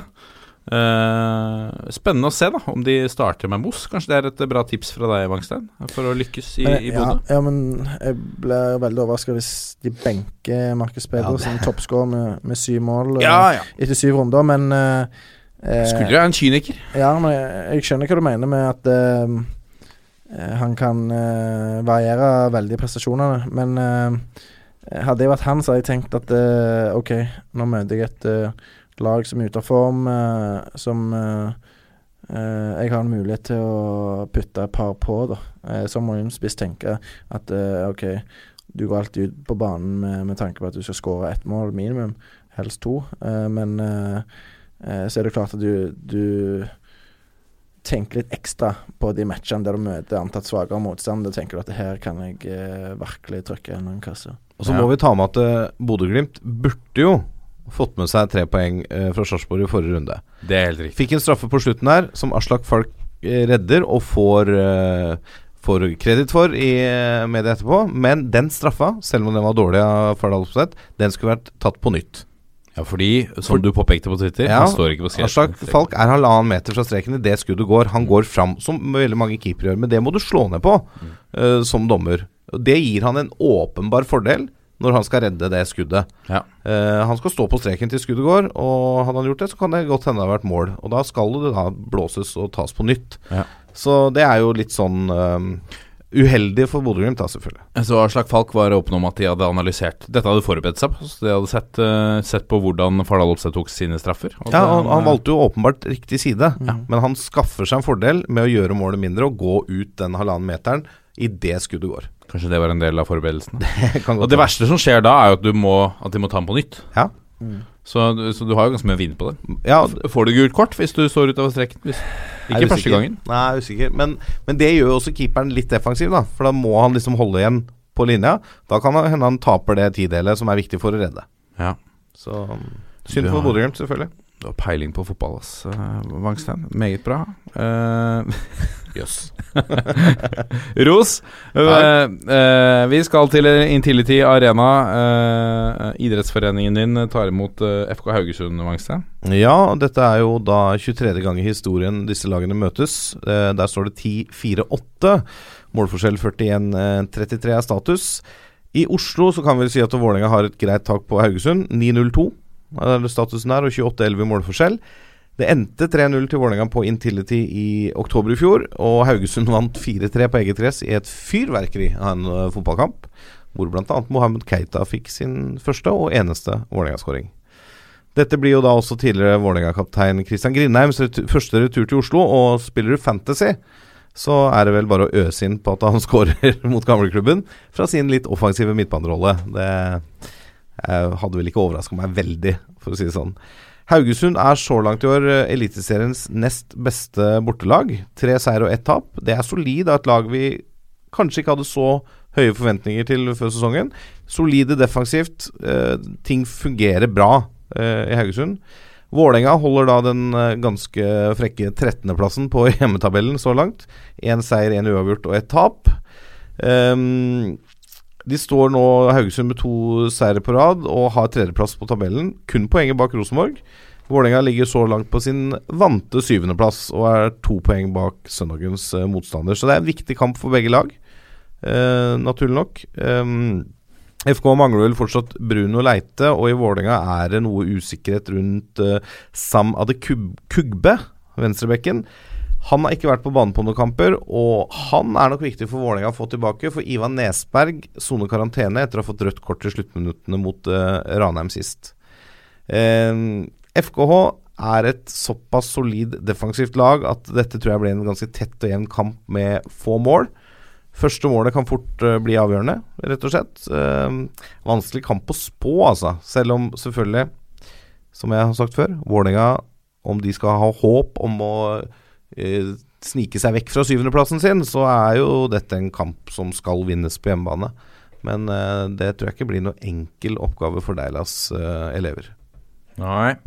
Uh, og jeg er litt spent på hva du tenker om, om Adam Larsen Karasai sin innsats så langt i sesongen. Jeg syns han Jeg syns han virker ikke like solid som Ghanas tidligere landslagskeeper skal være. Altså Den kampen mot Ranheim er jo fryktelig ja, svak. Ja, den, ja, altså, men det er ikke første, første, gang i år han har rota litt. Nei, Han rota mot Gods òg, ja, som jeg husker. Han gjorde det. Uh, Molde holder han på forrædig.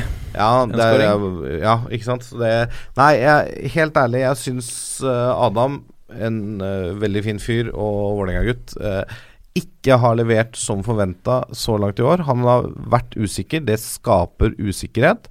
Nå er det veldig uvanlig at man bytter ut førstekeeperen sin underveis i sesongen. Han er jo soleklart førstevalg. Hei, Lillestrøm. Uh, men uh, men uh, er, vi ha, altså, Vålerenga har en god reservekeeper i Markus Sandberg. Som redda, en, ja, en redda straffe, redda straffe mot uh, Grorud i cupen, redda straffe i andredivisjon tidligere i år. Og sett solid ut de gangene han har spilt både i andredivisjon og i cupkampene.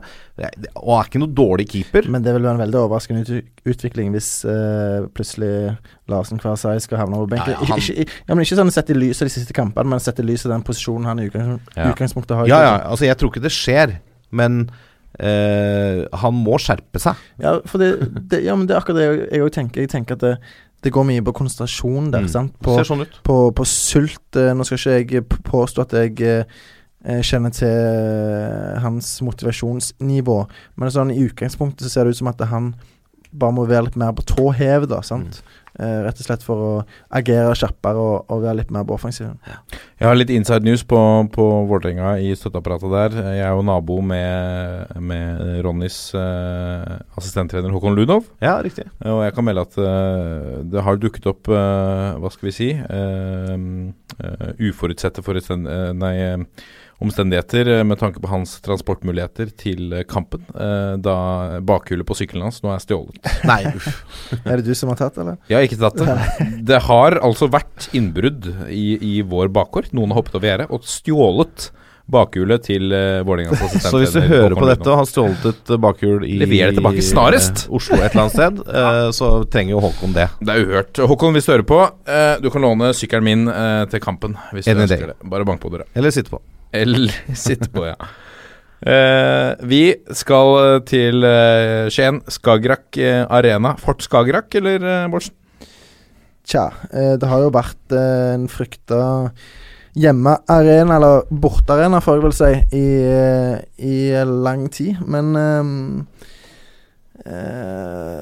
nå øh, vant jo Odd øh, borte mot øh, Molde. Meget sterk seier der, som vi har vært inne på, på tidligere. Um, og de vinner igjen nå i, i cupen um, i en match der um, det ikke var helt gitt at de skulle få Eller skulle gå så komfortabelt videre. Møtte Fredrikstad der, men, men slo de relativt lett. Eh, så jeg holder jo de som, eh, som klare favoritter mot Start, eh, som eh, igjen var spillemessig på, på høyde og egentlig bedre enn eh, enn eh, Haugesund, men allikevel eh, noe som kjennetegner lag i motgang. Eh, klarer ikke å avgjøre kampen og, og ender opp med å tape 1-0 eh, på Sør Arena. Så mm, det er en ny, stor, tøff utfordring for eh, Start, eh, som skal til Skien og, og møte et eh, lag som er i dytten.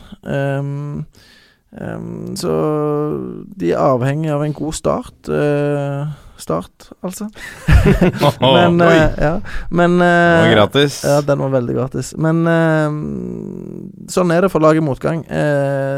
De må ha tilf liksom marginene med seg. De, de må Tilfeldighetene må, må må være på deres eh, side, eh, hvis ikke de eh, klarer å komme opp med en eh, veldig god prestasjon da, som gjør at de spiller ut Odd. Men i utgangspunktet Odd favoritter, og så vet vi at Start har kvaliteter og, og gode nok spillere til å, til å ta alle tre poengene, og, og Eliteserien er ikke jevnere enn at de, de kan ta Odd. Men det er en, eh, en match som, eh, som er litt skummel for Start. Ja, og uh, keepersituasjonen der er fortsatt den at uh, Håkon Oppdal er uh, ute. Uh, Døymeland har uh, spilt, og det betyr jo kanskje at vi går glipp av verdens best trente keeper, Benjamin Bujar. Ja, men Bujar har jo dessverre ikke vist seg som så stødig som han burde vært de eh, gangene han har fått sjansen eh, i eh, startburet. Så de er nok avhengig av at Dømland spiller, og at han stenger buret. Men det er sånn, alltid vanskelig å spå kampbilder i Eliteserien, fordi at det varierer så voldsomt. og du så den Odd eh, Sarpsborg-kampen, f.eks., der plutselig Odd eh, knuser Sarpsborg. Det er ikke mange som så den komme. Samtidig så bølger det fram og tilbake med, med ganske mange sjanser. Sant? Og jeg ser for meg at eh, Odd Start fort kan bli en sjansefattig kamp, men så så tør jeg ikke være bastant på det heller, fordi plutselig så ender det med 3-3 der, liksom. Sant?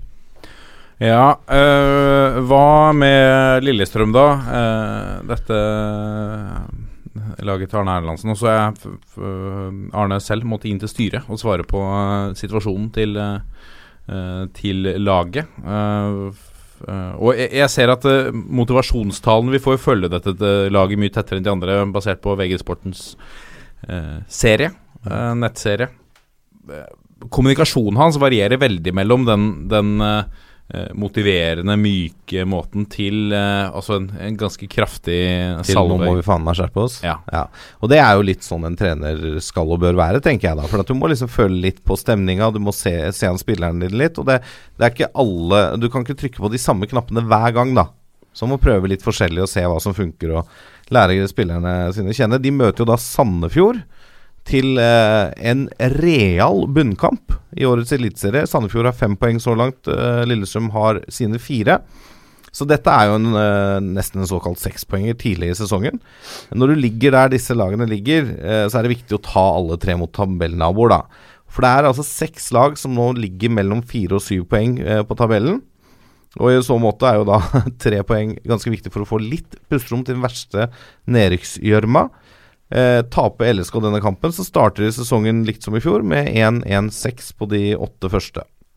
Og nå har de ansatt Erlandsen, så kan ikke ansatte Erlandsen en gang til. Eh, nei, det Det går ikke. de, sånn de snudde forrige gang. Kan ikke hente en redningsmann, nei. Det er riktig. De møtes for 15. gang i historien. Eh, 7-5-2 er status. Målforskjell 22-12 i Lillestrøms favør. På Åråsen viser tallene 4-2-1 og 13-7 i målforskjell. Sandefjords eneste seier eh, på kom tilbake i 2006. Og i fjor vant Lillestrøm eh, begge oppgjørene mot hvalfangerne. 2-1 på Åråsen og 3-1 i Sandefjord. Nå sies det jo da at uh, klubber som skifter ut treneren, gjerne får effekten i andre kamp etter sparkingen. Uh, Sandefjord tapte 3-0 mot Skeid i dag, som har den andre kampen etter sparkingen. Men det blir jo selvfølgelig spennende å se om de får den effekten nå snart da for, uh, for Sandefjord sin del. Og de, til tross for at de tapte mot Brann i forrige runde, så spilte de en ålreit kamp.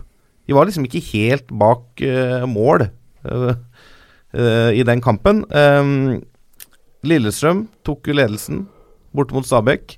Så ut til å ha dem litt på gaffelen, og så snur da OI og Olav Brynildsen den kampen, og så ender det 3-2-tap til slutt. Um, og det har vært ganske tamt altså, å se Lillesund på Åråsen i år. Gledelig for uh, de kanarikledde, holdt jeg på å si. Gullkledde, Gulkledde, heter det vel. Ja. Uh, at Gary Martin kom på skåringslista igjen, som jo har vært litt uh, ute og surra. Ja, det kan være viktig, for så at Erling Knutson gikk av med skade på en trening her nå for ikke så lenge siden. På VGTV, har vi sagt det òg. men altså, Lillestrøm på Åråsen. Én seier, ett tap og én uavgjort, og 3-3 i målforskjell. Det er litt kjedelig. Mm. Sandefjord har 1-0-2 på bortebane og 5-10 i målforskjell. Der fem av baklengsmålene kom i serieåpningen borte mot Molde. Men jeg tror i denne kampen at Lillestrøm slår tilbake etter en tung periode og tar alle tre poengene. Eh, de må i hvert fall bære favorittstempelet da, på et eller annet vis. Eh, men jeg er jo spent på å se hvordan Sandefjord skrider til verket. For det er jo spillerne selv som har stått i front der for å få fjerna Powell så tidlig. Og da er det på tide å møte opp i jobb og vise at det er treneren som har skyld i de dårlige resultatene. Så Sandefjord må vise noe på Åråsen nå, eh, for å på en måte beholde litt troverdighet i det at de har fått en trener sparka så tidlig at de mista tilliten til, til han eh, nesten før de var i gang med sesongen. Ja. Så dette er en superviktig og spennende bunnkamp. Og en gyllen mulighet for Lillestrøm til uh, å, å ta et steg, kanskje ut fra bunnstriden. Ja, et lite steg i hvert fall. Ja. Det er jo noen Ja. Vi går videre til eh, Kristiansund som tar imot uh, Stabæk. Uh, hjemmelaget står med tre strake uavgjorte kamper. Har kun ett tap på de siste seks kampene. Det er, uh, må vi kunne si med Kristiansund-øyne, at det er ok i Eliteserien. De er vel der fortsatt at de er fornøyde om de overlever. Uh, I uh, forrige kamp uh, mot Tromsø så klarte de å stå imot mot Tromsø, som har så langt står med kun seire på hjemmebane. En eh, sterk prestasjon på, på Alfheim. De kunne stukket av med seieren da Tromsø-keeper Jakob eh, Karlstrøm sendte ballen rett i Benjamin Stokke, men de slapp med skrekken. Sjansefattig match, men mye dueller, mye trøkk. Stabæk tok eh, årets eh, første seier hjemme mot eh, Lillestrøm. Eh, Og bare skyt inn da, ja. er jo da det siste laget som eh, jaktet seier i Eliteserien. Jeg bare så, så for deg. alle, alle andre har vunnet. Alle andre har vunnet. Alle har vunnet nå. Nå har alle vunnet. Alle har vunnet. Gratulerer til alle, Og Stabæk spesielt. og Stabæk spesielt, for denne seieren, da. Hjemme mot eh, Lillestrøm. Da hjemme, hjemme, sant? hjemme mot Lillestrøm. Da Ola Brynildsen, denne 19-årige lysluggen, eh, noterte seg for to skåringer og var mye involvert for hjemmelaget. Mm. Jeg kan opplyse om at uh, klokka runder runda tolv, så det er grunnen til denne her interne greia. Ja. Eh, vi skal holde ut eh, til eh, slutten her, men, men er klokka nå, egentlig? Nå er eh, klokken 00.00. 00. Ah, Nøyaktig, okay. faktisk. Eh, En ny dag venter eh, Bårdsen. Den gryr. Den gryr her, altså. Men tilbake til uh, Stabæk. Det var ikke noe enkel match for dem, men de uh, lyktes litt med kampplanen sin. Altså, de styrte mye av spillet. Uh, Jeg Lillestrøm kom på kontringer. Ja, Stabæk så bra ut offensivt, og så slapp de jo Lillestrøm til litt vel mange sjanser, syns jeg. Men uh, de var framme, og Hanke Olsen blokka skudd, og, og Demidov eh, gjorde det samme, selv om både han og Hernandez var ute av posisjon eh, et par ganger der som, som var litt eh, farlig, men eh, en, en positiv match fra Stabæk, definitivt. Jeg syns Stabæk ligna litt mer på seg sjøl. Mm.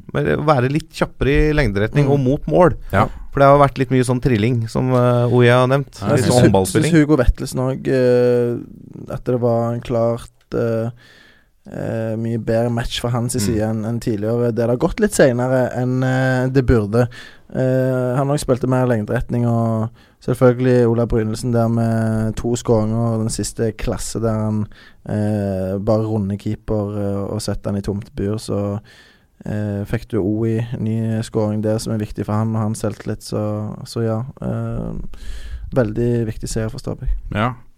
Eh, Kristiansund har eh, to mann i sykekø. Det er Ulvestad og Aasbakk. De er usikre til eh, denne matchen. Uh, Lukassi uh, for hjemmelaget er fortsatt usikker, i tillegg selvfølgelig til Skogsheid Skogseid, Skogseid, Njay og Giassi, som er ute for uh, Stabæk. Så har du Torgeir Gjertsen om dette her Ja, men han har vært ute. ja, Bare men- nevne at men- Stabæk er bortelag. Ja. Men så har du dette her med det problemet på vrista til Torgeir Gjertsen, sant. Så det er jo lagets viktigste offensive spiller som, som er sårt savna. Ja. Vi eh, avslutter denne previewen med eh, Er det Nei, ja, på andreplass av prestisjeoppgjørene, kanskje. Uh, Sarpsborg 08 mot Molde. Eh, selv om Sarpsborg 08 har slitt litt. Så Ja, langt. to uh, sultne lag uh, går ut ifra. Sarpsborg som ikke har vunnet på fire kamper etter å ha fått denne her, uh, fantastiske starten med 1-0-seieren over Rosenborg, så har de falt veldig i prestasjonene. Og et uh, heldig poeng uh, mot Haugesund. Et overraskende svakt tap mot Odd i Skien.